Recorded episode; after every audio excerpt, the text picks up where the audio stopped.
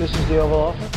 Hey, focus on the field. Focus on the game. Focus on the game. Somebody said, you know, this is uh, the greatest home court advantage that, that you could have, uh, have in this office. Hey, we need to step the f- up, man. So that's the Oval Office.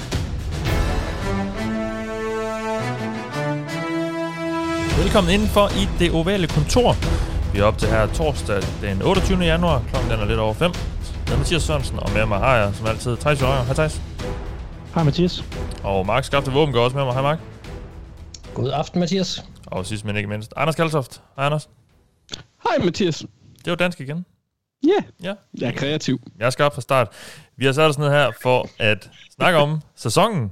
Fordi der er en kamp at snakke om i den kommende weekend. Det er altså egentlig en rigtig stor en i næste weekend, men det, den tager vi der øh, som optakt til Super Bowl selvfølgelig. Det snakker vi om i næste uge, men i, øh, i dag kigger vi altså primært tilbage. Og det gør vi på 2020-sæsonen, som jo er slut for 30 holds vedkommende.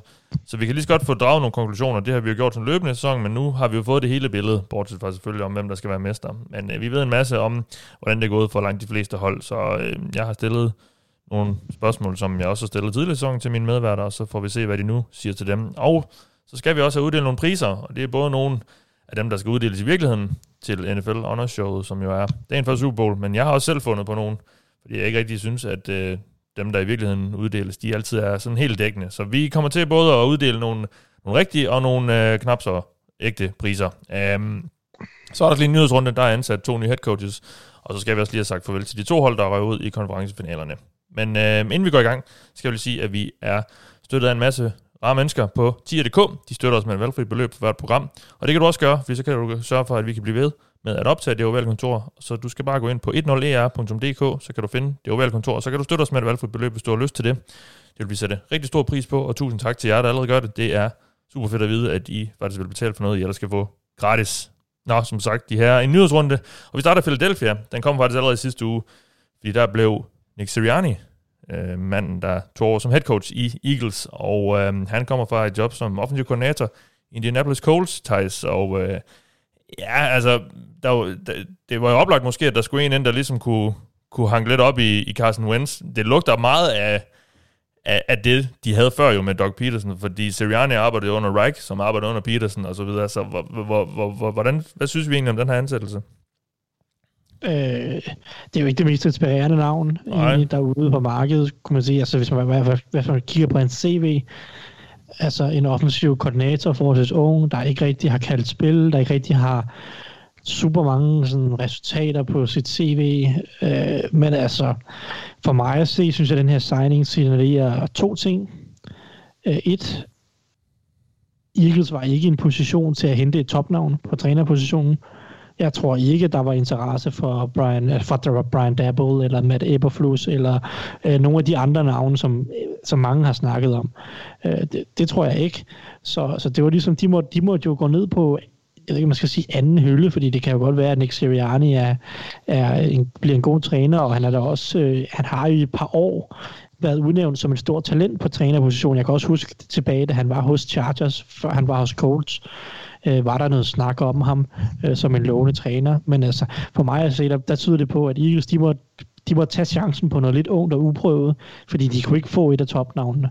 Og så kan man sige, så, så hiver de 39-årige offensiv koordinator ind, der har haft noget succes hos, hos Colts, øh, kender Frank Reich, øh, kender dermed et system, som, som, øh, så ved det, som Wentz jo også kender.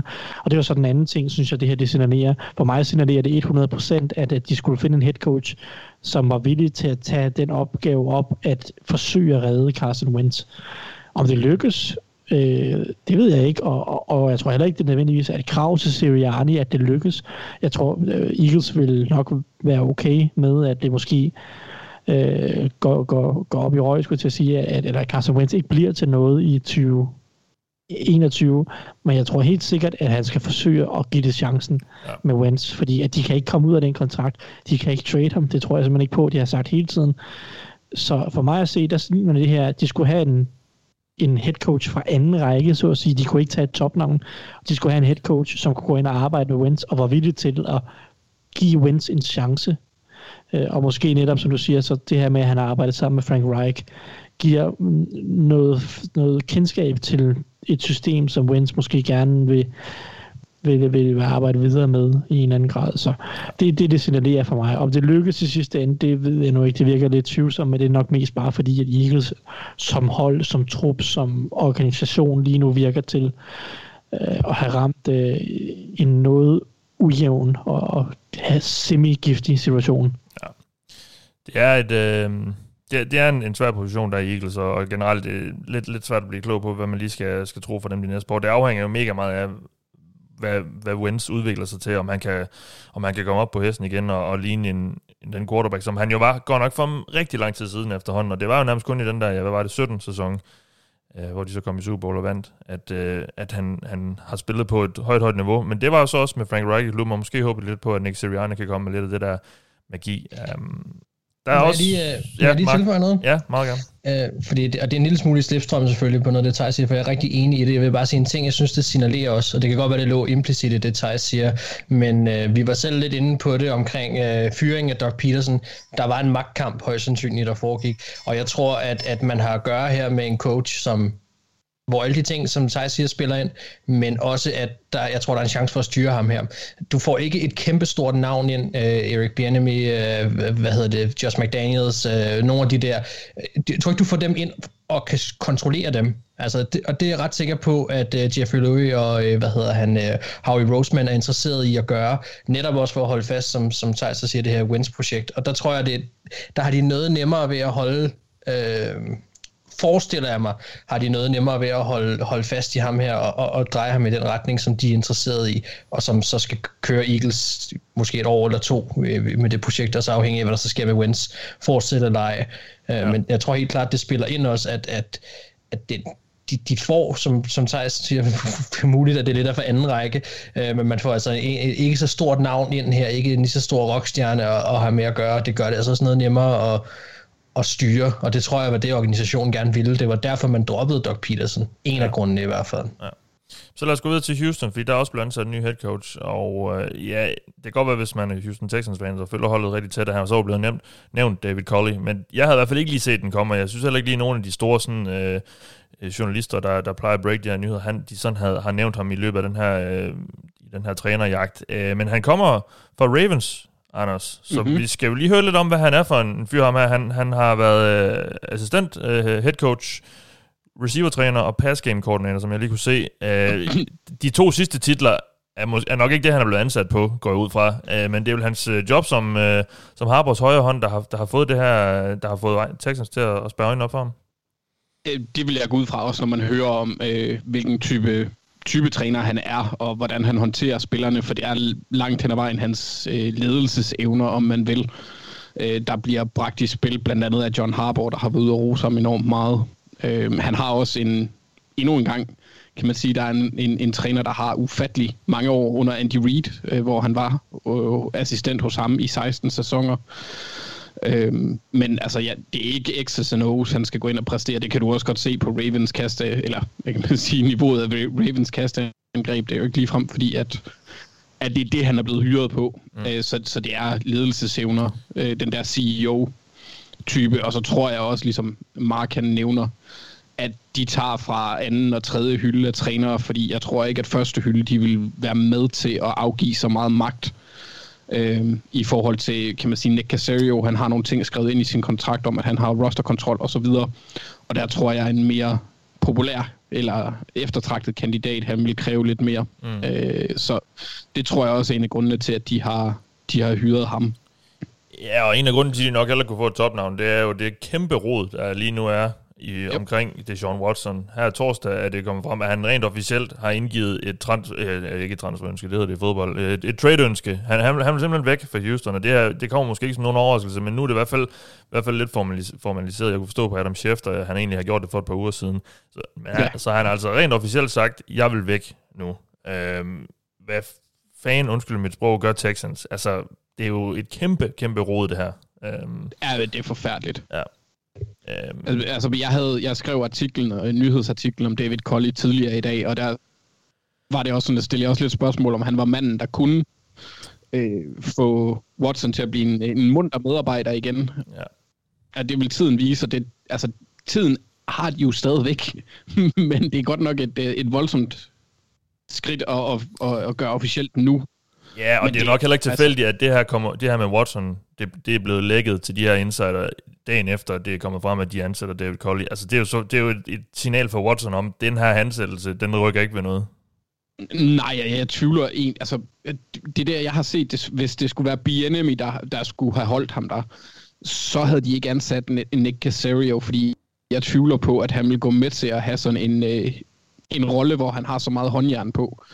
Øhm, det, det, det har jeg bare svært ved at se, og det er godt nok bare, altså, som jeg også skrev på Twitter, jeg synes, de skal, altså McNair, han viser godt nok, at han, han kan, han kan ikke drive et franchise. Det, det har han ikke bevist endnu, og, og man kan ødelægge situationen så meget, når man endelig efter snart 20, hvad er det, 18 år, de har været i ligaen, har fundet deres franchise quarterback, gør det så horribelt på det personlige plan, at han ikke gider at være der længere. Det er jo fuldstændig vanvittigt et år efter, han har underskrevet en stor kontrakt.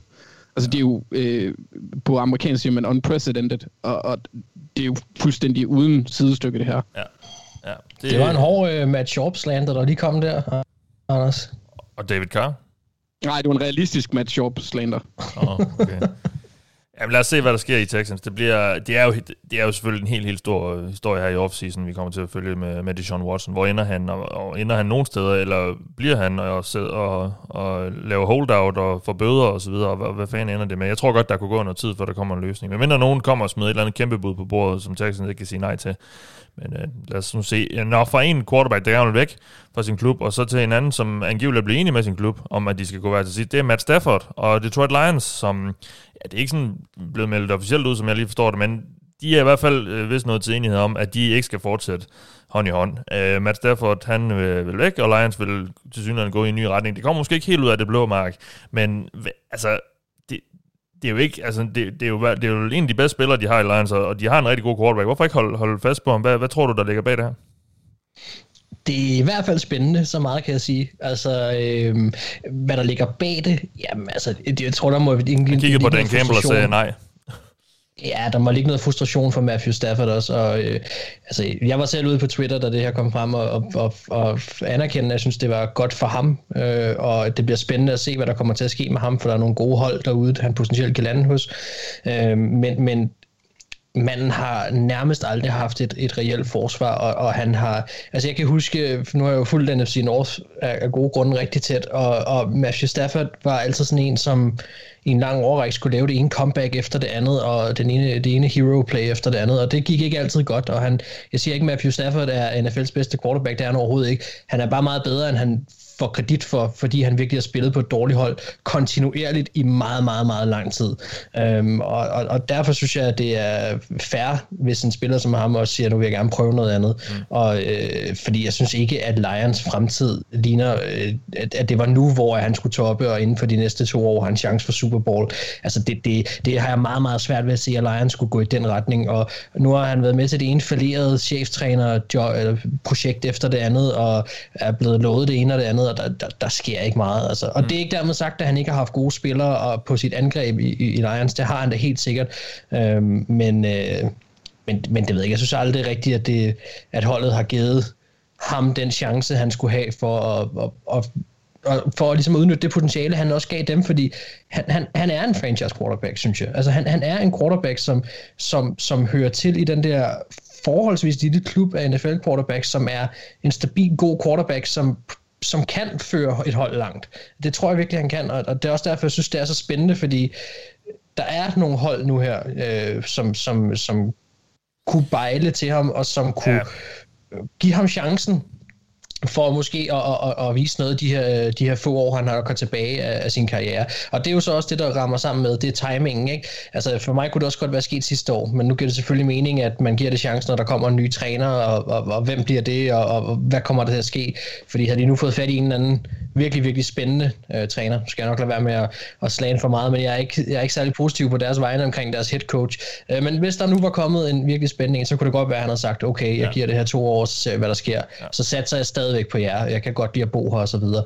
Øh, men det er meget respektfuldt på den måde, det bliver gjort på. Det kan jeg godt lide, at det ikke med, fordi Matthew Stafford har givet Detroit så meget i så svære tider, som Detroit også har været igennem, mens han har været franchise quarterback. Øh, sådan en som Megatron har jo en lille smule blakket ry, fordi han har stoppet, som han gjorde sådan noget. Der synes jeg, at, at, at, at Matthew Stafford kommer ud af det her på en anden måde, og han har virkelig givet Detroit meget, som så Lions fans bør være respektfulde. Det har jeg ikke set andet, men over at, at nu, nu tager han chancen et andet sted, og så må Lions starte forfra der er jo rigtig mange hold, der går ind til den her offseason med, med kæmpe spørgsmål på quarterback-positionen. Et af dem, der, ja, det er virkelig spændende. Et af dem, der er blevet nævnt først og fremmest som et match med Stafford, det er jo, det er jo Coles, og det giver jo også virkelig, virkelig meget mening, ja, når man... Den, den, er meget, den er meget til højre ben. Ja, når, jeg husker, vi snakkede om sidst det der ja. med, at, at hvis, hvis, hvis det hold det var bygget til at skulle være op omkring Andrew Luck og så videre, nu skulle de finde nogen, der ligesom kunne gå ind og overtage. Og, og det er svært, at man finder øh, franchise quarterbacks på den måde, der bare kan komme ind og er rutineret og, og så videre til at og, og kan drive et hold, som Coles har behov for lige nu. Coles er meget, det er som om de, de er alt for langt fremme, øh, end de burde være, fordi de mangler deres quarterback. Men Jamen det er det, og, og det snakker vi også om lidt, øh, da vi snakker om Rivers, han gik på pension. Ja. Altså, det, det er jo et short hold, fordi man tænker ikke mega meget all in, men omvendt så har de også et hold, hvor man tænker, okay, en rigtig god quarterback kunne måske få det her til at,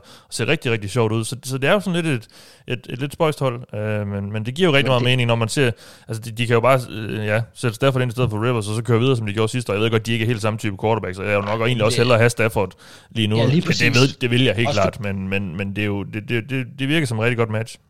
Eller der er jo også nogle flere år i Stafford, og det er det, der er interessant, ja. synes jeg, ved han kommer ud på markedet nu. Det er timingen af det. Et, et godt franchise, som er bygget til at kunne lave et Super Bowl run de næste to-tre år, øh, med ham, altså det, det, det, det kan sagtens altså gøre, vil jeg tro, altså at, at, at man, man får ham ind, og han, er, at han, han har en chance for at stadigvæk at være rigtig effektiv Øhm, og det er ikke sådan noget med Philip Rivers, som kommer ind og øh, har en udelarm og er, er, altså går på pension et år efter. Vel? Altså det, Matthew Stafford, hvis man signer ham, så har du i hvert fald et par år med ham, vil jeg tro, hvor det giver mening, og hvor man, man kan, kan, kan, kan satse på noget. Derfor så er det jo så også vigtigt, at han lander det rigtige sted, og det er jo igen også vigtigt, at han så er gode venner øh, med Lions og så videre. Det kunne godt være, at de kan blive enige om at sige, det her, det skal, øh, det her, det skal fungere for os begge to, og, og der er helt klart nogle klubber, jeg gerne vil til, ikke? Ja. Øhm, når, de nu, når det nu er, at han skal trades. Og det, ja, ja. det bliver spændende.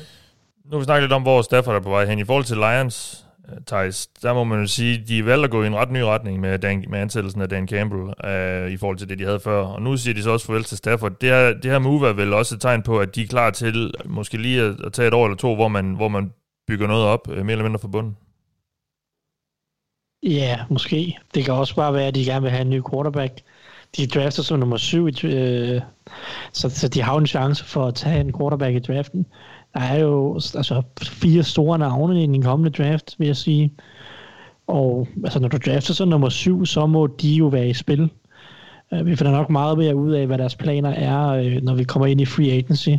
Og de prøver, om, du, om de prøver, som du siger, måske bare at tage en lappeløsning ind på kort besigtet basis, og så bygge det op helt fra bunden øh, med at, at drafte en masse spillere, måske prøve at trade ned, og så drafte flere spillere, fordi de, de har så mange mangler på begge sider af bolden, mest forsvaret, men men altså, jeg synes jo ikke, det skal udelukkes, at de bare gerne vil tage en ny quarterback, og så prøve at, at, at, at sætte ham i spil.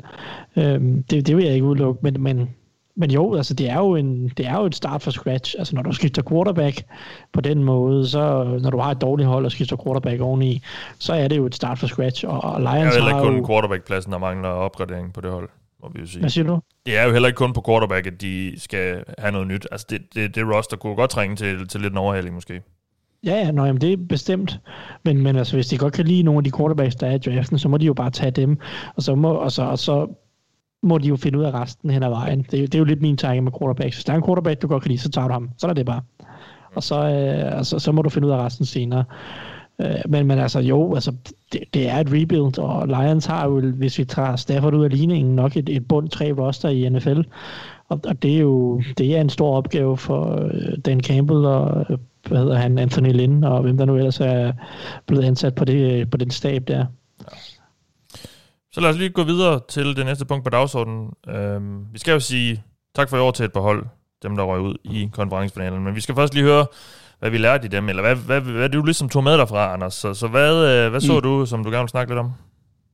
Jamen, jeg tog, det jeg tog med mig derfra, det var, at Herm Edwards, han, han havde ikke ret. Øhm, og you jeg må indrømme, at der skete to ting i den her weekend, der fik... Øh... Skal vi tage den igen? ja. You play to win the game. Hello? You play to win the game. Legendarisk citat fra den øh, daværende Jets head coach. Ja, og ja, ja, det er fantastisk. Det var bare det, jeg kom til at tænke på, da jeg, da jeg skulle tænke på øh, den her uges kampe. Øh, fordi der var, der var to trænere, som virkelig ikke så ud til at gøre det, altså spille for at vinde kampen på nogle ret afgørende tidspunkter.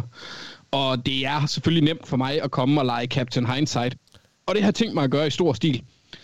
Øh, to gange, der valgte Matt LeFleur at sparke øh, field goal. Og den ene, den kan jeg delvis godt acceptere, den i slutningen af anden kvartal. Du har fjerde 6, du er bagud med 7. Det er egentlig fair nok. Jeg kan ikke acceptere, at de ikke går efter den i slutningen af fjerde kvartal. Jeg kan sagtens forstå resonemanget i at få de sikre point først, hvis man går ind med den tanke, at for de skulle jo have, det, have en uh, two-point conversion sig selv, hvis de scorer, så skulle de konvertere den, ellers så skulle de op og score igen og det, det kan være det, der har været inde i hovedet på Matt LeFleur, men jeg forstår slet ikke, at de ikke er mere tænkende i den situation. Altså, Rodgers han gav efterfølgende udtryk for, at han troede, at han havde to spil. Og jeg forstår ikke, hvorfor Hammer LeFleur ikke havde en mere sammenhængende plan i den situation. Nej. Og så vil jeg så også satse på, bare generelt, at min MVP quarterback og et før kampen godt nok fremragende red zone angreb kunne forlænge kampen for mig her, frem for at satse på Mike Pettens forsvar, der ikke kunne stoppe en brud i en vandflaske, med mindre øh, Tom Brady, han kastede den til dem. Og Bills, det er jeg sådan generelt lidt mere skuffet over, for det virkede lidt som om, at McDermott, han forsøgte at gribe fat i en eller anden form for ikke momentumtabende håndtag med alle de field goals. Øhm, det er selvfølgelig skide ærgerligt, at man risikerer at slutte et drive uden point. Men mod Chiefs, der er man bare nødt til at gå efter halsen. Altid. Yep. Hele tiden. Så det frustrerede mig, at McDermott ikke gik på den i hvert fald tre af de gange, hvor de havde en øh, fjerde down og kort. For det var ikke lange fjerde downs. Det var en fjerde 3, 4-2 ved goal line og en 4-3. Så det var bare skuffende, og jeg ved ikke helt, om jeg nogensinde bliver det samme menneske igen, nu hvor jeg ved, at, at Herm Edwards han løg, og samtidig også, at Thijs han missede på begge kampe i sidste weekend, og ikke er perfekt. Ja. Det, det har jeg det virkelig hårdt med. Men altså, jeg var skeptisk over det der Bills-valg, og jeg ved godt, det er, jeg lyder som en arrogant øh, bagklog idiot, men altså, eller gammelklog idiot, når jeg sidder det her, men jeg kan simpelthen ikke forstå, at man kan vælge mod Chiefs, i, når de er i slutspilsspilsform. Og det, ja, ja, ja, jeg forstår det heller Den kan jo så tage med videre, drenge, til næste uge, når vi skal ja, ja, men altså, der skal, der, tage, der skal der tages nogle chancer nogle gange. Vi skal, jo, vi skal jo gå med, hvem vi tror vinder. Der stod jeg alene, ikke? Det er også derfor, du ikke blev øh, singled out her, Mark. For du havde ja, ikke rigtigt. Ja. Ja, nå, altså, jeg troede på, at Bills kunne vinde. Jeg troede på, at de havde en chance. Men det altså, det også. Det, altså, det, var, da, det var da helt legit. Jeg, jeg så kampen som, som, som 50-50 langt hen ad vejen. Men altså, Chiefs beviste jo, modbeviste jo bare det. Altså, de viste jo bare, at de havde et ekstra niveau, som, som Bills ikke havde. Og, og det er jo så fair nok, men jeg synes jo ikke, at Chiefs har, har vist det ekstra niveau i ret mange kampe i løbet af sæsonen øh, trods alt. Så, så man jo godt, så man sagtens sidde og sige, at selvfølgelig vidste vi godt, at de havde det niveau, men der har også været tendenser til, at de ikke har kunnet ramme det øh, så konsistent. Øh, det gjorde de så i AFC for den, og, og det er jo så bare øh, verdensklasse og, og, og høj klasse af, af, af Mahomes og, og Reed og så videre. Men altså, Josh Allen rammer jo heller ikke niveauet, det kan man sige, det har han selvfølgelig måske heller ikke ramt sit topniveau i de andre kampe i slutspillet, men altså... Nej, nej, men det er nu, nej, og vi skal heller ikke snakke om det øh, mere end højst nødvendigt. Men øh, jeg håber, ja, jeg kan godt forstå det. Det gjorde også ondt at, at vælge mod Chiefs, og det, ja. altså, hvis jeg skulle have smidt øh, 1000 kroner på det, så havde jeg også gået med Chiefs. Ja. Men, men altså, jeg synes, at Bills havde en legit chance. Ja. Også fordi vi var, det ved jeg ikke, jeg, jeg var i tvivl, ærligt i tvivl om, hvis Mahomes bare var 80%, 85%, så synes jeg, at vi har set et Bills-angreb i går i år, der var så sjovt, og et, et Chiefs-forsvar, der var så potentielt hullet, at, at det her det kunne blive sjovt, og så, så kunne det blive et tøjnkors. Og, og, og det var det så det, ikke? Så, men det gjorde det så ikke. Et tøjnkors? Ja, et coin, ja, ja, kæft, Ja, ja, ja, ja. Er det ikke sent? Jeg synes, det er en lille smule sent. Det er faktisk tidligere, end vi plejer op til, så du har ingen undskyldning.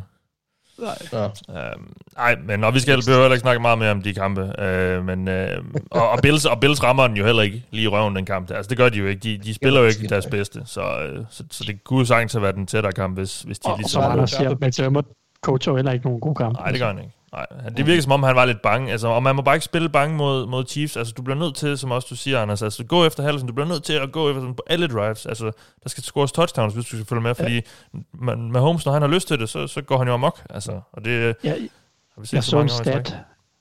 Jeg så en stat på Chiefs, øh, hvor at Mahomes i slutspillet i hans karriere, i sin karriere, øh, snitter, mener jeg, der var omkring 4,3 point per drive. Så hver gang du sparker et field goal, ja. så kommer du bagud. Ja, det er det. Ja. altså. så taber du, næsten, du taber næsten halvanden point på drive ved at sparke et field goal. Ja, ja det er uhyggeligt. Jamen altså, det, det er så vildt, og det er også derfor... Nå, ej, vi skal ikke snakke Super Bowl nu. Nå, var det det, Anders? Ja. Godt. Så lad os sige tak for i år til øh, Packers og Bills, og vi starter i Green Bay, Thijs. Um, det var en kamp, de godt kunne have vundet den her, men uh, Tom Brady gjorde det, Tom Brady gør. Spiller sig selv i en Super Bowl. Det skal han nu spille for 10. gang. Men, uh, og Packers må jo nok sige, at det var lidt skuffende. Andet år i træk uh, med et nederlag i NFC-finalen, men godt nok lidt mere måske opmuntrende et den her gang trods alt. Uh, hvad har det været for en sæson i Green Bay?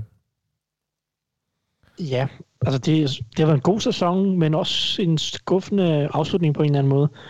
Som du siger, selvfølgelig, uh, men altså lad os starte med bare at sige, uh, overordnet set en god sæson på rigtig mange parametre. Der er rigtig mange ting, hvor man kan sidde og sige, det fungerede bare, det var fedt øh, at, være, at være Packers-fan på de her punkter. Altså vi har selvfølgelig Lafleur, der beviser og manifesterer sig som en af de øh, allerbedste playcaller og offensive playdesigner i NFL. Øh, det, det var han i løbet af, af 2020 super, super højt niveau på det her angreb. Top 3, top 5, helt oppe i kategorien med, med, med med Andy Reid og med, øh, hvad hedder det, Carl Shanahan og så videre, de her typer, i, i, i at sammensætte et angreb. Øh, sådan, skal han selvfølgelig bevise det over mange år, som Reid og Shanahan efterhånden har gjort det, men, men virkelig, virkelig højt niveau for Lafleur på det, side, øh, på det punkt. Øh, han fik også gang i Aaron Rodgers, som jo fandt det MVP-niveau, vi ikke har set øh, de sidste 3-4 år. Øh, så, så der fik jo han jo også løftet Rodgers til, til et niveau, som jo gjorde dem til NFC-favoritter, første seed i NFC. Øh, så har vi selvfølgelig der var til Adams, der er bedst. Vi har en god offensiv linje. Vi har angrebet som helhed, der bare er e- elite på rigtig mange punkter. Men set i det lys, så er det jo så utroligt skuffende, at de går ind i en NFC-finale og, og taber på trods af, at jeg synes, de er de bedste hold. Så de bedste. Altså, jeg, synes, jeg synes, at man sad i kampen og tænkte, det her Packers hold, det virker mest talentfuldt, det virker til at have flest drenge at spille på, men de kunne bare ikke eksekvere på højt nok niveau. Matt LaFleur coacher ikke en, en god kamp, øh, en, en så god kamp, som man har gjort tidligere i år. Øh, der var for mange fejl fra spillere, øh, og for, den offensive linje ramte jo et, et, det laveste niveau i hele sæsonen. Øh, selvfølgelig, da vi Bakhtiaris skade viser sig jo at være fatal, øh, og den, den offensive linje var bare slet ikke på samme niveau, som, som den var med ham. Så, så der er jo mange ting, der, der selvfølgelig spiller ind i, at de rammer et lavere niveau i, i NFC-finalen, end man kunne have håbet på. Men det er jo bare skuffende. Det var en skuffende præstation fra Packers side. Det synes jeg både offensivt og defensivt. Og det er sådan ligesom det helt store, hvis jeg skal tage noget med fra sæsonen og kigge fremad, hvor, hvor bliver Packers bedre, så, så skal det være på forsvaret. Jeg har sagt det øh, hele sæsonen igennem i flere forskellige versioner. Øh, jeg startede med at slagte øh, Packers forsvar i de første par kampe af sæsonen, fordi at det lignede simpelthen, jeg ved ikke hvad. Det blev bedre undervejs. Men jeg, altså, jeg har gennem hele sæsonen stolet absolut ingenting, eller absolut intet på det her Packers forsvar, og Mike Patton som defensiv koordinator. Jeg synes ikke, han er en dygtig defensiv koordinator. Jeg synes ikke, det han har sammensat et godt forsvar. Øh, jeg synes, han har nogle noble tanker om, hvordan man gerne vil spille forsvar i NFL, men jeg synes ikke, han kan eksekvere det. Og jeg synes, det her forsvar har alt for meget talent til at være et øh, middelmådigt eller undermiddel forsvar. Når du har en af ligaens bedste cornerback, hvis ikke den bedste, når du har en god safety duo, når du har en defensiv linje med tre dygtige spillere i hvert fald, øh, og, og, og derudover andre fine rotationelle spillere, så synes jeg bare, at det skal være bedre forsvar. Øh, så hvis jeg var Packer, så ville jeg fyre Mike Patton mm. og ansætte en ny defensiv koordinator til næste sæson. Det er der, de skal blive bedre, fordi det her angreb, det bliver ikke bedre næste år. Det er simpelthen nærmest umuligt. Øh, og så ved jeg godt, det måske godt kan blive bedre i, i en enkelt kamp, end det var i den her ene kamp øh, NFC-finalen. Men set over en hel sæson, så øh, bliver det her angreb ikke bedre. Det er forsvaret, der skal levere forbedringerne. Øh, og det tror jeg ikke på kommer til at ske med Mike Patton. Så altså overordnet set, rigtig mange gode ting. Øh, Lafleur er god, Rodgers er god, angrebet er godt, men, men der var, men jeg er skuffet i NFC-finalen viser stadig noget manglende rutine på en eller anden måde, og, og Packers har det med at, at, at spille small øh, på en eller anden måde. Sådan, amerikanerne har jo det udtryk med at play small, og play big, eller hvad man skal sige. Det der med at ikke rigtig gribe chancen, og, og virke lidt, lidt intimideret i perioder i store kampe, og det har været en tendens i hele første periode, også sidste år. De var også i NFC-finalen sidste år, der fik de jo kæmpe bryl. Ja. Og det gjorde de også i et par andre store kampe sidste år. Og, og, og de har så også leveret nogle skuffende præstationer i nogle af de store kampe, de har leveret i år, øh, eller har spillet i år. For eksempel mod Box også i den første kamp. Mm. Så altså, der er noget med, at, at, at Lafleur måske det eneste, han mangler at bevise som træner, det er, at, at, at han kan levere i de store kampe, og lade være med at falde i niveau, både ham selv og holdet som helhed. Øhm, men altså, ja. Det eneste, der er også, altså der er det sidste problem, der er, det er jo så, at Aaron Rodgers, han virker lidt uh, irriteret over hele situationen. Ja, omkring, men er det ikke øh, bare Aaron Rodgers, der er Aaron Rodgers? Altså, Jo, han er nok bare bitter. Jeg tror ikke, der kommer til at ske noget med det, men Nej. jeg tror altså lidt legitimt, at, at, at, at han er bitter over, at Packers ikke rigtig, øh, at han ikke rigtig ved, om Packers har committed til ham på lang sigt. Ja. Øh, fordi nu har han gået ud og leveret en MVP-sæson, og reelt set vil han sikkert gerne have en ny kontrakt, der øh, beviser ham, at han er deres quarterback de næste fem år. Mm. Men det får han jo ikke, øh, fordi de har, de har draftet Jordan Love og egentlig forberedt fremtiden uden Rodgers. Og det kan man jo så mene om, hvad man vil. Altså, der, man kan jo godt argumentere for, at Packers bare øh, kigger på langsigtet, og det, det skal de jo have lov til. Så jeg synes, det er forkert i det her, den Lidt situation. for langsigtet, synes jeg. Ja, men jeg synes også, det var for tidligt at tænke ja. langsigtet. Lad mig ja. sige det sådan. Øh, men men, men det, det er jo min personlige holdning, Ja, og Packers kan være en anden holdning, og det er så fair nok, øh, nok om det. Men jeg synes ikke, der er nogen tvivl om, at, at det er et problem for Packers, at Rodgers ikke er tilfreds med, at, at de ikke er 100% committed til ham. Mm. Øh, jeg, Ja, tror ikke, der jeg kommer til, jeg, nødt tror til- ikke, der kommer, jeg tror ikke, der kommer til at ske noget af det, og Rodgers han ender øh, nok med at blive glad igen, altså, eller være ligeglad, men altså, det, det er bare sådan, det er. Mm. Altså, når man ser interviews med Rodgers efterfølgende, så virker det mere som om, at det er et narrativ, som medierne har skabt igen. Han virker bare som om, at han tager realistisk til det. At, øh, Jo, jo, og, og, og, og, jamen, og det har du også sagt før, når vi har taget den her, Anders, men, men han er jo også, han, han, han ved jo godt, hvad han siger, og hvordan han siger det. Altså, han er jo ikke dum, det er han på ingen måde. Nej, nej, Tværtimod, han er jo super, super skarp, og han, og han vejer sine ord meget, meget nøje, kan man tydeligt se, når han siger noget. Så når han siger jo. det der, så er det jo ikke bare for, at, at altså, han, han ved jo godt, at han skaber noget ved at sige det der. Så det er jo ikke bare mediernes Jo, jo. skyld. Altså, det er det jo ikke. Men som han også sagde i et interview efterfølgende, så er han blevet interviewet et kvarter efter, han har siddet og grædt inde i omklædningsrummet sammen med hans Ja, ja, holdskammerat, som han ikke kommer til at se igen.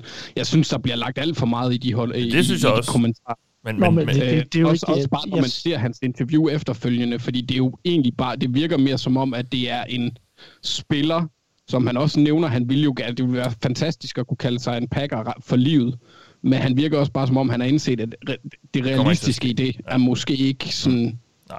helt Jamen, sandsynligt. det, det synes jeg da også er et problem. I, altså, jeg ved ikke, det er ikke noget stort problem, og jeg tror nok, at Rodgers skal spille godt i det her næste år. Øh, men jeg synes da, at det er et problem, at Packers går ud og drafter en quarterback, når der ikke er brug for det på det tidspunkt i første runde. Jeg synes kun, det kan skabe problemer. Jeg synes kun, det kan skabe problemer. Og, og jeg ved godt, at, at det sikkert er overdrevet. Jeg sidder heller ikke og siger, at Packers uh, trader Aaron Rodgers, eller uh, at de cutter ham, eller noget som helst. Men, men, men jeg synes ikke, at det er... Jeg synes ikke, at det er, det er gavnligt for holdet, at man ikke er 100% committed til Rodgers. nej, lad os lade den ligge der, og så se, hvad der sker. Jeg tror ikke, der sker noget med Rodgers. Og, Det gør jeg, det tror jeg heller ikke. Nej, nej, nej, men øh, må vi se. Øh, nå, vi skal lige sige tak for i år til et hold mere. Det er selvfølgelig Buffalo Bills, Mark, og du har fået lov til at, at give os en lille opsummering af deres sæson. Øh, ja, jeg starter lige for en lille øh, personlig vinkel, fordi jeg er ret sikker på, at, øh, at, øh, hvis folk har lyttet til det her øh, hele den her sæson, øh, eller går tilbage og gør det, så kan man sikkert finde nogle, nogle lydklip med mig, der jeg har det meget svært med Bills, og har det rigtig svært med Josh Allen. Og øh, det må jeg jo indrømme, det er jo nogle ord, som jeg, og jeg har nok også holdt fast i dem lidt for længe, men det er nok nogle ord, som, som jeg jo til en vis grad bliver nødt til at æde i mig igen. Altså fordi det her var en flot, flot sæson. Øhm, jeg ved, at, at mit eget bevæggrund dengang har også været, at, at det var spændende med Josh Allen, fordi hvis han blev til noget, så kunne holdet potentielt noget. Og der må man så sige, det var jo så rigtigt, det kunne de. Øh, men men øh, det, det ændrer stadig ikke, at jeg har 5-10% inde i maven, som stadig ikke er tryg ved Josh Allen. Men, men jeg var jeg bare nødt til at sige, nu gider jeg ikke kritisere mere. Det her, det var en flot, flot sæson. Josh Allen spillede virkelig, virkelig flot. Øh, og kigger man på deres sæson sådan overordnet, så gjorde de det helt rigtigt, da de fik fat i Stefan Dix. Altså det var, jeg, jeg synes, det Forrest Buckner var nok et af de bedste sådan off-season moves. Stefan Dix er helt klart med op i toppen af, af handler, som var virkelig, virkelig gode, fordi det løftede angrebet. Uh, og Brian Dabble gjorde det bare fænomenalt med det her angreb. Altså, jeg snakkede lidt kort om det, her i, i, jeg tror det var sidste uge omkring den der uh, firkløver, de havde af receiver, som, som bare uh, nærmest var unik. Altså jeg synes virkelig, de alle fire bidrog og spillede godt, uh, selvfølgelig klart nogle, nogle mere end andre. Stefan Dix stak jo i den grad noget af som første receiver, også forventeligt, men det var virkelig, virkelig godt angreb, de havde kørende, og hele Josh Allens øh, niveauløft og også sikkerhed med bolden. Altså, det var jo virkelig alt afgørende for, at holdet havde den sæson, som de havde. Øh, så jeg må bare indrømme, at jeg gik fra at være enormt skeptisk, og specielt over for Josh Allen, jeg ville ikke røre med en ildtang, til virkelig at blive mere og mere vild med det Bills-angreb, vi så. Og de havde perioder i år, hvor de var, i mine øjne, det mest friske og eksplosive angreb i NFL. Og det kan godt være, at Chiefs så egentlig har det niveau, der gør, og det så vi jo så også, at de, de, de kan træde på pedalen, hvis de har lyst. Men der var bare perioder i år, synes jeg, hvor vi så, at det var Bills, der var det bedste angreb i NFL. Og det var spændende. Øhm, og, og det leder jo også hen til, at, at, at fremtiden ser spændende ud. Altså, de, de skal jo bygge videre på den her sæson. Det er, jo en, det er jo en historisk sæson for dem. Det er så lang tid siden, de har været relevante på den måde, som de var i år. Og, og det, er, det, det er klart noget, som er, er sindssygt spændende øh, for, for Bills fans, og man kan sige, for dem handler det om, at de nu skal næste år kunne tage det sidste, og selvfølgelig rigtig store skridt, og det er at komme hele vejen til Super Bowl.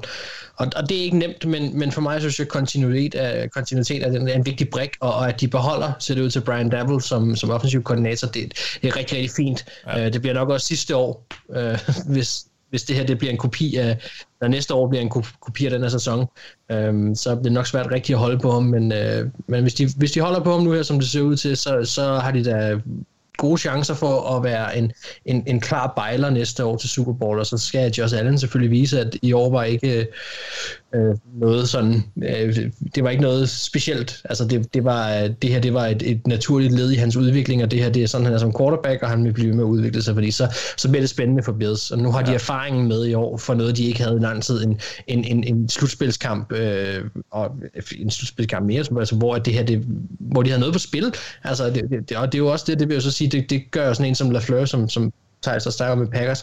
Man må jo gå ud fra, at de her trænere og, og, og spillere, og, og I var også inde på, at Sean McDermott ikke coachede en særlig god kamp, men man må sige, at de her erfaringer er jo forhåbentlig noget, de kan tage med og bruge til næste gang, de står i den her situation. At så er de måske ikke så bange, eller så er der nogle andre ting, de har lært noget af. Og, og det, nogle gange er det hårde lærepenge, men, ja. men Bills må alt om alt sige, at den her sæson har været vanvittigt flot. Altså, de, de, de går ind og vinder. Øh, Patriots kommer slet ikke i slutspillet, og der må være rigtig, rigtig mange ting, man som Bills-fan, på trods af, at man ikke kommer til Super Bowl, må sige, hold da op. Altså, det, det, det var virkelig en flot sæson. Ja de ser rigtig godt ud i, i Buffalo, øh, og, og de er jo helt sikkert også glade for, at det hele gik op i en højere enhed. Problemet er jo bare for dem, hvis de skal i en Super Bowl, så skal de forbi Chiefs, og de må, man må bare sige, de er ikke i nærheden af at, at være på deres niveau, de, så de skal vel ud og gøre et eller andet for at kunne slå dem, fordi det er jo ikke, altså Chiefs vinder den der kamp i søndags, øh, ja, jeg lige vil sige 10 ud af 10 gange, det er måske meget, men i hvert fald 9 ud af 10 gange, altså, så de skal vel, de bliver vel nødt til at, at lægge flere, øh,